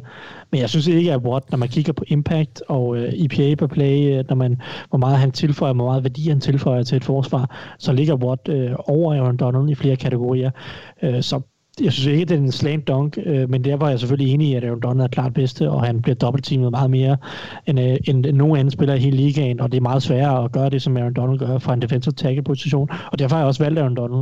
Mm. Men jeg synes ikke, det er en, en slant dunk 100% øh, tippet til Donalds fordel. Men øh, jeg tager TJ Watt, når jeg ikke kan vælge Aaron Donald. Ja. Øh, det synes jeg er fair nok. Yes. Mark, TJ Watt. TJ Watt og Anders? TJ Watt. Godt. Jamen altså, TJ han får den. Så kan ham og hans bror glæde sig over det. Som to rigtig gode forsvarsspillere, der er kommet ud af den familie. Det er meget imponerende. Og en fullback, ikke mindst. Det, det er lige så imponerende. Så, øhm, nå, jamen, øh, Jamen, TJ Watt, det giver sig selv. Selvfølgelig hans helt store gennembrudssæson, øh, selvom han også har været rigtig god de sidste par år. Men øh, han er en rigtig, rigtig god pass rusher. Vi går til Offensive Player of the Year. Øh, Anders, du kan lov at starte. Ja, øv. Nå, ja, men uh, running backs don't matter, så det var til Adams. Jeg går jo ud fra den der, jeg vælger ikke quarterbacks her. Nej, fordi... Så jeg tager... Der, Ja. der, så valget for mig stod mellem Travis Kelce, der var til Adams, og Derrick Henry. Og jeg vælger, der var til Adams, fordi han var sindssyg år. Scorede 18 touchdowns. Ja. Vanvittigt. Og Mark vælger Dalvin Cook, så hvem tager du, Thijs? Nej, nej, nej, stop, stop, stop, stop. Nå, okay. Jeg har, jeg, har, jeg har også ligesom andre skrevet tre navne ned. Jeg har skrevet Davante Adams, Stefan Dix, og så rigtig nok Dalvin Cook også. Ja, okay. Øh, men, jeg vil, men, men jeg, vil give den, jeg vil give den til Davante Adams. Nå, okay. Ja. Men jeg synes, det var tæt imellem ham og Stefan Dix, hvis jeg skal være helt ærlig. Ja. Ja. Og, øh, og det, er, det er små ting, der gør, at jeg vælger Davante Adams, det må jeg sige. Så det er øh, Davante Adams, der får den, kan vi jo så regne ud, fordi han har fået to stemmer. Men Thijs, hvem skal have... Er der, er der nogen, der skal have en, en trøstepris? Jamen, det, det kan Derrick Henry få. Okay. Altså, uanset hvad man siger, og jeg, I ved godt, jeg ikke er en fan af running backs og så videre, så hvem havde den flotteste sæson, den statistisk set, i forhold til sin position og så videre, og så videre, så synes jeg godt, man kan svare kilden til Derrick Henry. Jeg er egentlig enig, Adams var den bedre spiller, mm. og, og øh, at give den til ham, men hvis man skal give en trøstepræmie, øh, og hvis man skal kigge på, altså kigge på prisen fuldstændig uden quarterbacks, og øh, nogen som helst øh, idé om, hvad, hvad de er for, en, for et NFL-hold, så øh, synes jeg, det er fint, fint at stemme på Henry. Yes. Det kan jeg godt, det kan man sagtens svare. Det vil jeg ikke, det vil jeg ikke opponere imod, at man stemmer på Derrick Henry. Godt nok. Jamen, øh, Adams får den altså. Men, øh, og vi skal skynde os at udgive de to sidste priser, fordi tiden går, og Mark skal spille rollespil, eller et eller andet. Jeg ved ikke, hvad du skal, Mark. Men øh, du har i hvert fald en Jo, jo. bagkend. Øh, så vi skal lige finde ud af, hvem der skal være non-quarterback MVP. Det er altså også en pris, jeg har fundet på, fordi MVP går selvfølgelig altid til en, til en quarterback, men der er også andre spillere, der er rigtig vigtige på de her NFL-hold. Så Anders, hvem skal være non-quarterback MVP? Jamen, altså, det, den spiller, der aldrig kan få MVP'en, fordi han spiller på den forkerte side af bolden, det er Aaron Donald, synes jeg. Han er et Ja. based. Okay, Mark? Mm, For mig er det en gentagelse. Jeg har godt nok fjernet Dalvin Cook, men jeg har stadig Davante Adams eller Stefan Dix. Jeg synes, de to spillere kom ind og, og var med til at løfte øh, de to angreb, de var på, til de niveauer, de, de kom til, øh, som, som de klare første receiver. Øh, og det vil så nok igen være Davante Adams, jeg vil vælge, fordi nu valgte jeg ham nede før, og så, så, så må jeg jo så sige, at Okay. han var bedre, men Ja. ja det, det må nok være ham. Det var en til Adams. Ja. Ja. Thijs? Ja, jeg, jeg kan simpelthen ikke vælge en forsvarsspiller, fordi forsvarsspiller, eller forsvar betyder bare meget mindre end angreb. Øh, Så jeg, øh, jeg går med. Devante Adams. Jeg synes, han har den største indflydelse på sit angreb. Nummer to vil jeg egentlig tage Travis Kelce, men uh, Chiefs har også andre faktorer, der spiller ind, og jeg tror, at Mahomes er mindre afhængig af sine våben, end Rodgers er af Adams. Så jeg går med, jeg går med Adams. Masser af priser til Packers. Kan vi jo så sige, de, det har også været en god sæson i Green Bay. er værd at nævne, I hvert fald at for angrebet. hader Packers fuldstændig vanvittigt, ligesom uh, altid. De har fået fire indtil videre, og det kan jo være, at det ender med fem. Uh, fordi nu skal vi finde ud af, hvem der skal være MVP, Anders. Hvem har du der? Ja, jeg, jeg, jeg vil lade os give den fem. Jeg har Aaron Rodgers. Okay. Mark? Der er, øh, der er sket noget i nogle amerikanske sportsgrene, og det er nærmest blevet en tradition, og vi har været lidt inde på det her med dig, der, der kalder en pris øh, Defensive Player of the Year, not named Aaron Donald. Altså, Michael Jordan skulle have haft alle MVP's alle de år, han spiller, og øh, Mahomes skal det på samme måde. Altså, Mahomes er den bedste spiller. Jeg, jeg ved, at, at Aaron Rodgers har haft en vanvittig sæson. Det har med en flot sæson. Men jeg er ked af det. Det er en hård verden, vi lever i. Mahomes er den absolut bedste NFL-spiller. Og ja. jeg, han, er, han er MVP. Det er han, altså. Ja. Jamen, lad os høre, om Thijs er enig. Ja, men det er, det er sådan set, jeg er så ikke helt, jeg ved ikke, om jeg er helt enig i argumentationen, fordi at, at, Aaron Rodgers har, har givet lige så meget værdi til sit hold, som, som Patrick Mahomes har i år. Og statistisk set, øh, både når man kigger på effektivitet og produktion, øh, så topper Rodgers øh, Mahomes en lille smule på produktivitet og effektivitet. Altså EPA per play, DVOA mm. og så videre, og så videre. Man kan så argumentere Hvad det, for, at? Mahomes nok har ført mange af de kategorier. Undskyld, hvad? Hvad er det, det handler om? Effektivitet. Lige præcis. Øh, man kan så argumentere for, at Mahomes nok havde ført flere af de her kategorier, hvis et, han havde spillet i uge 17, og øh, dermed kunne lægge mere på, eller to, øh, bare havde givet i- de sidste to eller tre uger af sæsonen, øh, og Chiefs har haft noget at spille for. Men jeg har stadig valgt Mahomes, og det synes jeg er en af den grund, at jeg synes, de har mødt meget svære modstandere end, end Rodgers. Jeg synes, at de har haft to ret statistisk set rimelig lige sæsoner med Rodgers en lille smule foran, men jeg synes ikke, at Packers har mødt øh, ret meget modstand, og jeg synes, de få gange, de har gjort det, har de ikke spillet specielt godt. Øh, jeg synes, de har mødt to eller tre kompetente hold i år, og jeg synes ikke, Rodgers har brændt igennem i nogle af de kampe øh, overhovedet. Jeg synes, Box var han stinkende dårlig mod. Øh, Saints er nok det bedste bud i U2, men Saints forsvar var ret dårlig i starten af sæsonen. Øh, så synes jeg ikke, han var noget særligt mod Colts. Jeg synes overhovedet ikke, at han var noget, eller jeg synes ikke, han var noget særligt mod Titans, selvom han spillede en fin kamp, effektiv kamp, så var det ikke bare på baggrund af ham, de vandt.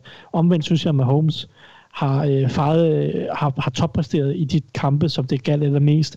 Fire Ravens, Bills i, af banen i grundspillet, godt nok Bills var også rigtig meget løbespillet, så lad os, lad os nøjes med at sige Ravens. Øh, mod Buccaneers kaster han for næsten 500 yards til grundspillet. Øh, et andet super øh, vigtig kamp mod tophold.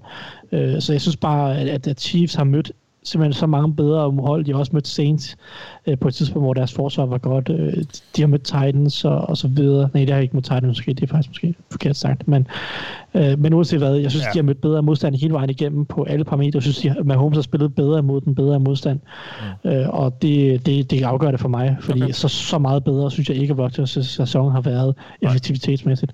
Jamen, den går til Mahomes så, og dermed har Og vi det er nok fået... meget kontroversielt, og jeg ved godt, at Rodgers han vinder den endelige pris. Ja, Men det sådan gør er han jo. Ja. Men så, så kan Packers fans slappe lidt af med det, og så sige, det var fint, Ja. ja. han fik den der. Men, men, men det, man skal heller ikke misforstå det, jeg siger, men, men det er bare, øh, der kan godt gå lidt sport i, at man vil give en, en MVP til en ny hvert år, øh, fordi at, at det skal ikke være det samme, og man har en tendens til at blive overrasket og så videre, og, Ja. og, og, og det er også fair nok, og det er jo slet ikke fordi, at, at Aaron Rodgers ikke fortjener at vinde den her MVP, som han nok også kommer til at vinde. Det gør han, Ja. men jeg synes bare, at Mahomes er den bedste spiller, og den mest værdifulde spiller, ikke bare for sit hold, men for hele NFL. Altså, Jamen, jeg er tilbøjelig til at give ret. Det var det for vores priser. Inden vi lukker... Og det her, det var holdningen inden slutspillet. Ja, ja, ja, ja, ja. Ja. Ja, selvfølgelig. ja. Øhm, vi skal lige slutte af med lige, og vi skal ikke sætte nogen picks, men vi skal lige hylde de, de to, der ramte rigtigt på begge kampe. Der var kun to i hele Dog League, der ramte begge kampe rigtigt i Championship Weekenden, og det var Christoffer Resen Bensen og Lasse Grenvald. Så ja, gutter, I slipper for at øh, stå model til at høre på hyldes til Alexander Påske. Øhm, der var kun to, der, der ramte dem rigtigt, og øh, ja, det var så, som, som, som I så kan regne ud, ikke os. Vi missede begge to. Det var rigtig skidt. Øhm, men vi rammer ja. stadigvæk 70% for sæsonen, så det er fint. I den samlede stilling, der er Torbjørn Broman stadig kun et point foran Andreas Kjærsgaard Nørlev i toppen af Dog Ligaen. Så det hele bliver altså afgjort i Super Bowl, og øh, ja, den skal Torbjørn bare ramme rigtigt, så er han sikker på at vinde. Øh, meget spændende der i toppen. Og øh, vi er Kan som vi, sagt... lige, kan vi lige opfordre de to til at vælge hver deres hold? Det må de lige koordinere, så vi kan få en... øh, For ellers, så hvis de vælger det samme, så er det jo slut. Ja, så er det afgjort, ja. Så det, det, er- det, det er hermed en opfordring, der er givet videre. Og der kan Øh, vel være andre i spil. Er- Hvor mange, hvor mange er mindre end 100 point efter? Det er der ikke nogen, der er.